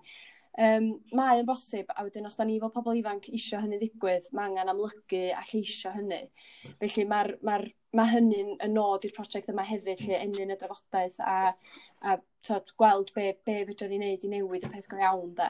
Yndi ac yn barod ti wedi bod yn cael sgyrsia efo bobl rownd hwn a ac yn sôn am yy ryw dwi yn gynharach doddach yngly- yy ryw ffrind sydd yn... Ia. ...dod nôl ond ond eisiau mynd nôl i gardydd. Wel ie, yeah, dwi'n dwi gwybod am un ffrind um, sydd, wel, mae, mae, mae yn gardydd a mae, mae eisiau dod adra, dydy'r opsiwn yna ddim, ddim yna iddi ar hyn o bryd, ond y tweet penodol ma'n eisiau weld oedd, gath o gryn dipyn o sylw um, yn egluro sut oedd o'n chwilio am swyddi ac o bob un oedd o eisiau oedd nhw'n dod i fyny yn Gaerdydd, de, ac rwan, rwan bod pobl wedi profi hynna na bod yna ffordd o wneud hynny yn wahanol, um, gweithio adra yn y blaen, o, mm. so beth yn mynd i gael ei wneud, i newid, i newid hyn, de, i wneud o'n bosib i bobl, mm. Um, tod, y peth dwysa da ni eisiau fel cenedlaeth ifanc rwan ydy gwynebu trafferthion i ffeindio swyddi. Mae'n fod ddigon anodd fel mai, da, felly mae yna le i wneud hynny'n haws, o da ni jyst angen amlygu hynny, a wedyn mae'r prosiect yma'n ffordd gobeithio o wneud hynny. Ia, a y gwestiwn arall fyna am beth sydd angen digwydd i wneud um, hi'n haws i lwyddo'n lleol. Dwi'n gwybod bod hwnna'n gwestiwn eitha anodd i watsab, ond ti eisiau rhoi cynnig ar ni? Um, dwi'n meddwl, dwi'n meddwl bod ni jyst angen bod yn onest efo'n hynna'n eto 'de a mm. da ni angen siarad um, pam bod pobl wedi gadael yn y lle cynta neu t'od pam bod pobl erioed wedi gadael i milltir sgwar 'de dwi'n bersonol dwi'n meddwl bod o'n beth iach mynd a dod a mynd i t'od mynd i weld rhan o'r byd ella profi bywyd gwahanol i beth da ni wedi arfer efo ia mm. t'od mae hynny'n gret, ond mae eisiau gofyn y cwestiwn pam bod chi eisiau dod yn ôl neu pam bod chi ddim eisiau dod yn ôl. Mm. Dwi'n meddwl bod e'n drafodaeth sy'n bach o jigsaw sydd wedi bod yn hel llwch ys bach o amser rwan de. Mae pobl yn mynd a dod, da ni byth am newid hynny. A mae hynny'n beth da, beth bynnag, da ni'n eisiau stopio hynny. Yeah, yeah. Ond da ni angen gweld pam fod yn digwydd ac os yn digwydd am y rhesymau iawn Da, Felly, da ni am drio ffendio hyn allan, gofyn cwestiynau, trafod efo bobl. Yeah. Um, os oes gen rhywun gynnig ar, ar beth sy'n angen digwydd yn Gwynedd Môn, i, i, i hmm. wneud pethau'n haws. A mae, yeah, e? mae'n gyfnod, mae'n gymaint o newid ar hyn o bryd, a mae'n gyfle i drio pethau newid, achos dyn ni wedi bod yn meddwl amdano fo, mae'n eitha ffordd, mewn, mewn ffordd, unai ydych chi'n gadael yn aros, ond mae'r dechnoleg digidol, mae'r ffordd mae pobl yn ei drino, o, ella, yn meddalu chydig, chydig ar y ffiniau rhwng gadael a, a, a, ac aros, da. Mae modd i chdi weithio, neu creu cysylltiad efo Gwynedd y Môn tra'n byw yn Gaerdydd, a, a ffordd arall hefyd, felly mae yna gyfle rownd hwnnw. Um, a dwi'n gwybod o'n cynlluniau dyn ni'n gwneud yn gorffennol, mae lot o gwmnïau yn, uh, yn Gwynedd y Môn sy'n cael traffaith recrwtio. Uh, felly, mm. ar un llaw, dyn ni'n cael bobl ifanc yn dweud bod sy'n cyfleoedd, a dyn ni'n cael cwmnïau sy'n cynnig swyddi da yn dweud bod nhw'n cael traffaith recrwtio. Dyma yna sgwrs i gael rownd hwnnw hefyd. O, oh, so mae just, dwi'n meddwl bod just angen amlygu hynny a sbio. Dwi'n meddwl bod, bod, bod, bod ni angen neud o'n haws i bobl sbio ar, ar ei opsiynau nhw'n hytrach na bod nhw mae o ryw default ar hyn o bryd bod pobl yn meddwl bod rhaid iddyn nhw fynd. Um, a dwi'n, dwi, dwi mae'n elfen ohona fi sy'n sy, sy wedi profi hynny'n hun, lle dwi, dwi wastad i meddwl os, os ydy aros o gwmpas yn, mynd, yn ddewis doeth, a dwi angen just mynd a sawl, sawl un arall yr oed a fi, dwi'n siŵr yn teimlo'r un peth. Yeah. Wedyn, mae dwi'n meddwl bod o'n drafodaeth ddyrus, mae'n mae drafodaeth yeah. amrywiol, do, ond mae, mae angen digwydd. Mae'n mae sgwrs onest achos um, o'n i'n sôn gynharach, da ni'n sôn bod na bod Gwynedd y Môn llefydd anhygol i fyw yn efo, ond weithiau mae pobl eisiau mynd i theatr neu eisiau blasu bwyd uh, cyfandirol ac yn y blaen ac yn y blaen. Wedyn mae yna ma wahaniaeth rhwng y ddwy ardal yn amlwg yma angen sgwrs onest rownd hwnnw. Um, o ran, felly mae yna gyfle i ddeg fan hyn, ond dyn ni'n disgwyl gobeithio fydd yna gyfleoedd yn deall, um, dilyn hyn i bobl, i ragor o bobl ifanc. A wedyn, o ran uh, cysylltu fe chdi, Maria, i ddangos ddiddordeb i fod yn rhan o'r cynllun. Ie, yeah, so mae yna um, ma fideo byr ar Facebook rhwng rhywun lleol yn um, egluro chydig bach am y cynllun. Dau funud ydy os di rhywun jyst eisiau mynd i weld um, i gynnwys. So wedyn mae modd llenwi ffurflen gais ar wefan yn Termon um, efo rhyw syniad neu rhyw brosiect sgynna chi, chi mewn golwg a wedyn fyddwn ni'n cysylltu wedyn um, os da ni'n meddwl bod y syniad yn un san gweithio ar y cynllun deg wsos yma a mynd o hynny a wedyn mae'r dyddiad cael um, mewn rhyw, ia, mewn rhyw 90, mewn deg diwrnod, lle dy syl, mm. dim syl yma, dy syl nesa. Yeah. Lle, digon amser i gysylltu os gen rhywun gwestiynau falle hefyd. A jyst i orffen, mae hwn rhan o gynllun arfor um, y Llywodraeth, Cymru a sy'n cael ei um, gefnogi gan Cyngor Gwynedd a Cyngor Môn hefyd, felly mae yna bedneriaeth rhanbarthol i'r cynllun. Felly ie, yeah, gret, diolch Alen. Um, Nawn ni adael o'r hynny, ond gobeithio fyna fwy o podlediaid hefo pobl ifanc uh, yn y dyfodol. Na, dwi'n siŵr un na, gobeithio. Iawn, diolch fawr Alen. Lyfle, diolch. Bara. Dwi'n bach i fynd o'n 10.56 oedd o'n. Ti'n dal yna? Dyna'n iawn doedd, dan deg munud. Oes, well, iawn. So, croeso i uh, podlediad Llwyddo'n Lleol ac uh, David dwi, ac uh, dwi'n gweithio Menter Môn a mae Elen yma sy'n gweithio hefo'r fenter eith efo ni. Helo Elen. Helo.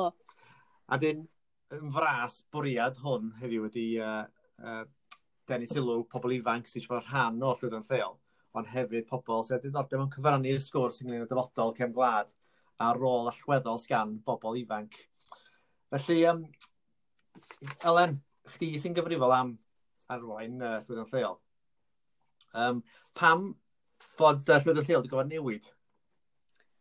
Wel, mae'r prosiect fatha gymaint o bethau eraill yn amlwg yn ystod, cyfnod, yn ystod y cyfnod yma, di goro addasu um, heb llawer o ddewis ac yn hollol ddirybydd. Felly mae o rwan yn brosiect da ni'n defnyddio rhyw fath o strapline bod o'n camu o'r Covid, um, os liciwch chi.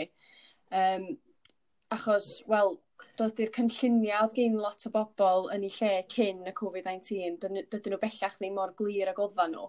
Um, a maen nhw jyst i chwalu, um, boed bod hynny, os oedd gen rhywun blaniau mynd i deithio, um, mynd i brifysgol, dechrau busnes, cymryd, i, cymryd blwyddyn aidd, cymryd blwyddyn allan, dwi'n meddwl. Um, be bynnag o gynnyn nhw'n ei lle, mae'n debyg bod y firws wedi effeithio ar hynny mewn rhyw ffordd. Um, a wedyn mae'n bwysig wedyn trio dechra meddwl am ymateb i hynny a mae'n bwysig cynnwys y bobl ifanc yn y sgwrs am sut i daclo fo achos y reality ydy, wel ni fydd yma hira mm. felly ni sy'n mynd i weld a profi canlyniad yr holl beth um, am yr amser hira da, felly dyna, yeah. dyna pam bod y prosiect i newid mewn gwirionedd achos wel Dwi'n gorfod newid. Do gynnu ni'n dewis na oedd? Na, fysa'n flaenorol, oedd y cynllun yn ceisio lleoli pobl ifanc dros misoedd yr ha benna mewn busnesau yn Gwynedd y Môn. Yeah. Er mwyn cryfhau'r cysylltiad rhwng yr economi a phobl ifanc a trio denw nhw'n ôl. Ond yn amlwg mae hynna'n anodd os nad amhosib. Ond mae'r angen yna, mae'r angen yna fwy na gyrraedd y blaen. Felly, beth yw rwan, Lly Elen?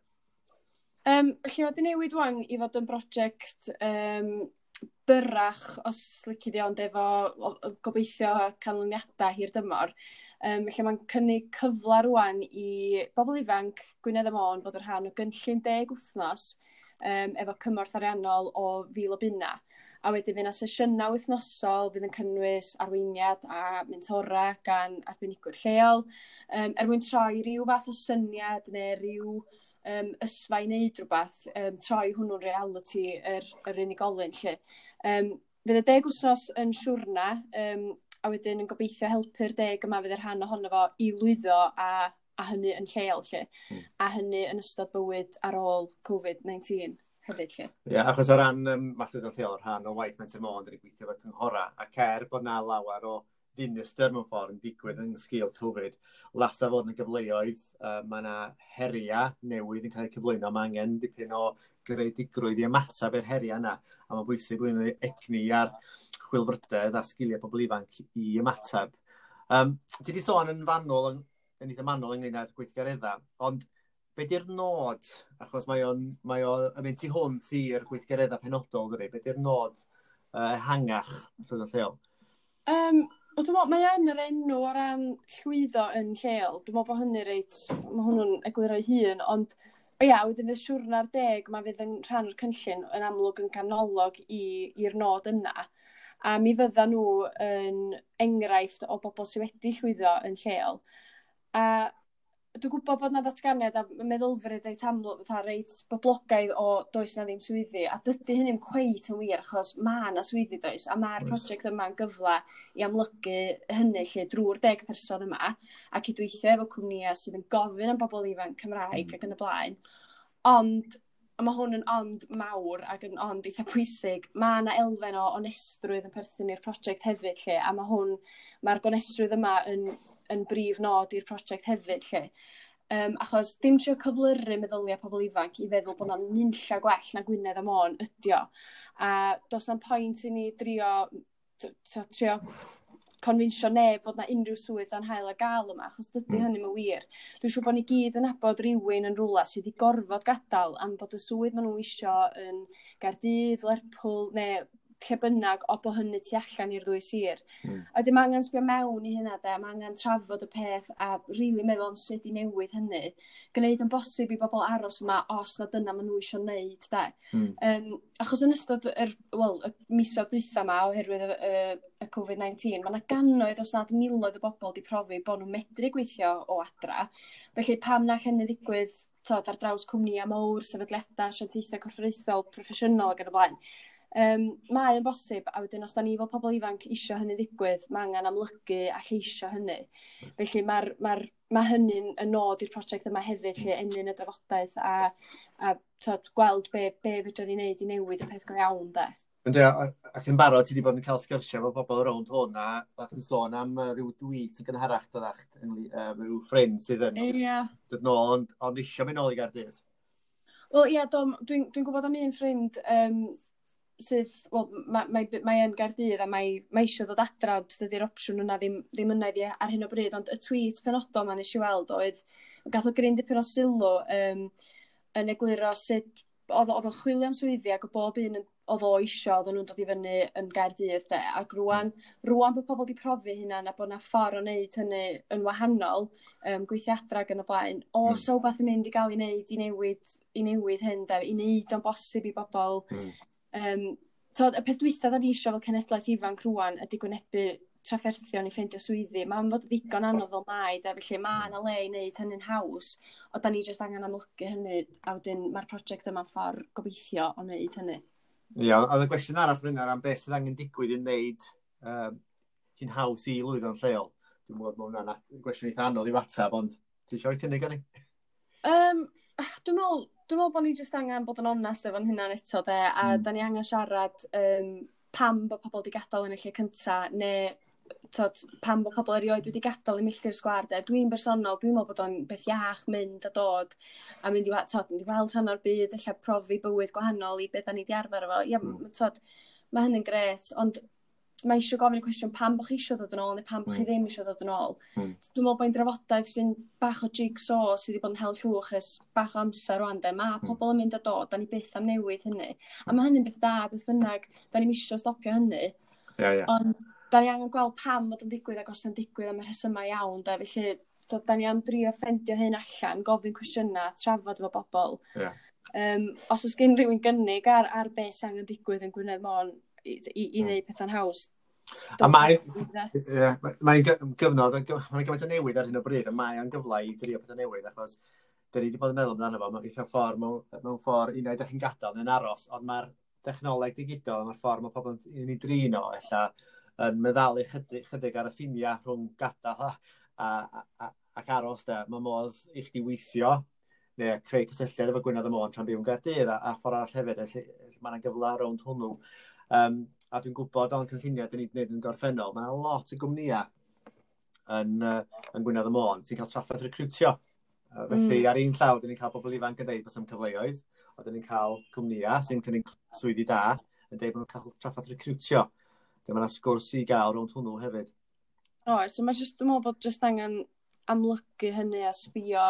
Dwi'n meddwl bod, bod, bod, bod ni angen neud o'n haws i bobl sbio ar, ar ei opsiynau nhw'n hytrach na bod nhw mae o ryw default ar hyn o bryd bod pobl yn meddwl bod rhaid iddyn nhw fynd. Um, a dwi'n, dwi, dwi mae'n elfen ohona fi sy'n sy, sy, sy profi hynny'n hun lle dwi, dwi wastad i meddwl os, os ydy aros o gwmpas yn, mynd, yn ddewis doeth a ta, dwi angen just mynd a sawl, sawl un arall yr un oed a fi dwi'n siŵr yn teimlo'r un peth. Yeah. Wedyn, mae o'n, dwi'n meddwl bod o'n drafodaeth ddyrus, mae'n mae drafodaeth yeah. amrywiol, ond mae, mae angen digwydd. Dei, a mae'n mae sgwrs onest achos um, o'n i'n sôn gynharach, da ni'n sôn bod na bod Gwynedd y Môn llefydd anhygoel i fyw yn efo, ond weithio mae pobl eisiau mynd i theatr neu eisiau blasu bwyd uh, cyfandirol ac yn y blaen ac yn y blaen. Wedyn mae yna ma wahaniaeth rhwng y ddwy ardal yn amlwg a mae angen sgwrs onest rownd hwnnw. Um, o ran, felly mae yna gyfle i ddeg fan hyn, ond ni'n disgwyl gobeithio fydd yna gyfleoedd yn deall, um, dilyn hyn i bobl, i ragor o bobl ifanc A wedyn, o ran uh, cysylltu fe chdi, Maria, i ddangos ddordeb i fod yn rhan o'r cynllun. Ia, yeah, so mae yna um, ma fideo byr ar Facebook rhwng rhywun lleol hmm. yn egluro chydig bach am y cynllun. Dau funud ydi os di rhywun jyst eisiau mynd i weld um, i gynnwys. So wedyn mae modd llenwi ffurflen gais ar wefan Menter Môn um, efo rhyw syniad neu rhyw brosiect sgynnach chi, sgynnach chi mewn golwg a wedyn fyddwn ni'n cysylltu wedyn um, os da ni'n meddwl bod y syniad yn un san gweithio ar y cynllun deg wsos yma a mynd o hynny a wedyn mae'r dyddiad cau um, mewn rhyw, ia, mewn rhyw 90 mewn deg diwrnod lle dy syl, mm. dim syl yma, dy syl nesa. Yeah. Lle digon amser i gysylltu os gen rhywun gwestiynau falle hefyd. A jyst i orffen, mae hwn rhan o gynllun arfor um, y Llywodraeth, Llywodraeth Cymru a sy'n cael ei um, gefnogi gan Cyngor Gwynedd a Cyngor Môn hefyd. Felly mae yna bedneriaeth rhanbarthol i'r cynllun. Felly ie, yeah, gret, diolch Alen. Um, Nawn ni adael o'r hynny, ond gobeithio fyna fwy o podlediaid hefo pobl ifanc uh, yn y dyfodol. Na, dwi'n siŵr fi yna, gobeithio. Iawn, diolch fawr Alen. Lyflu, diolch. Bara. Dwi'n bach i fynd o'n filion. 10.56 oedd o'n. Ti ddal yna? ben now nie onthou dit aan. Right.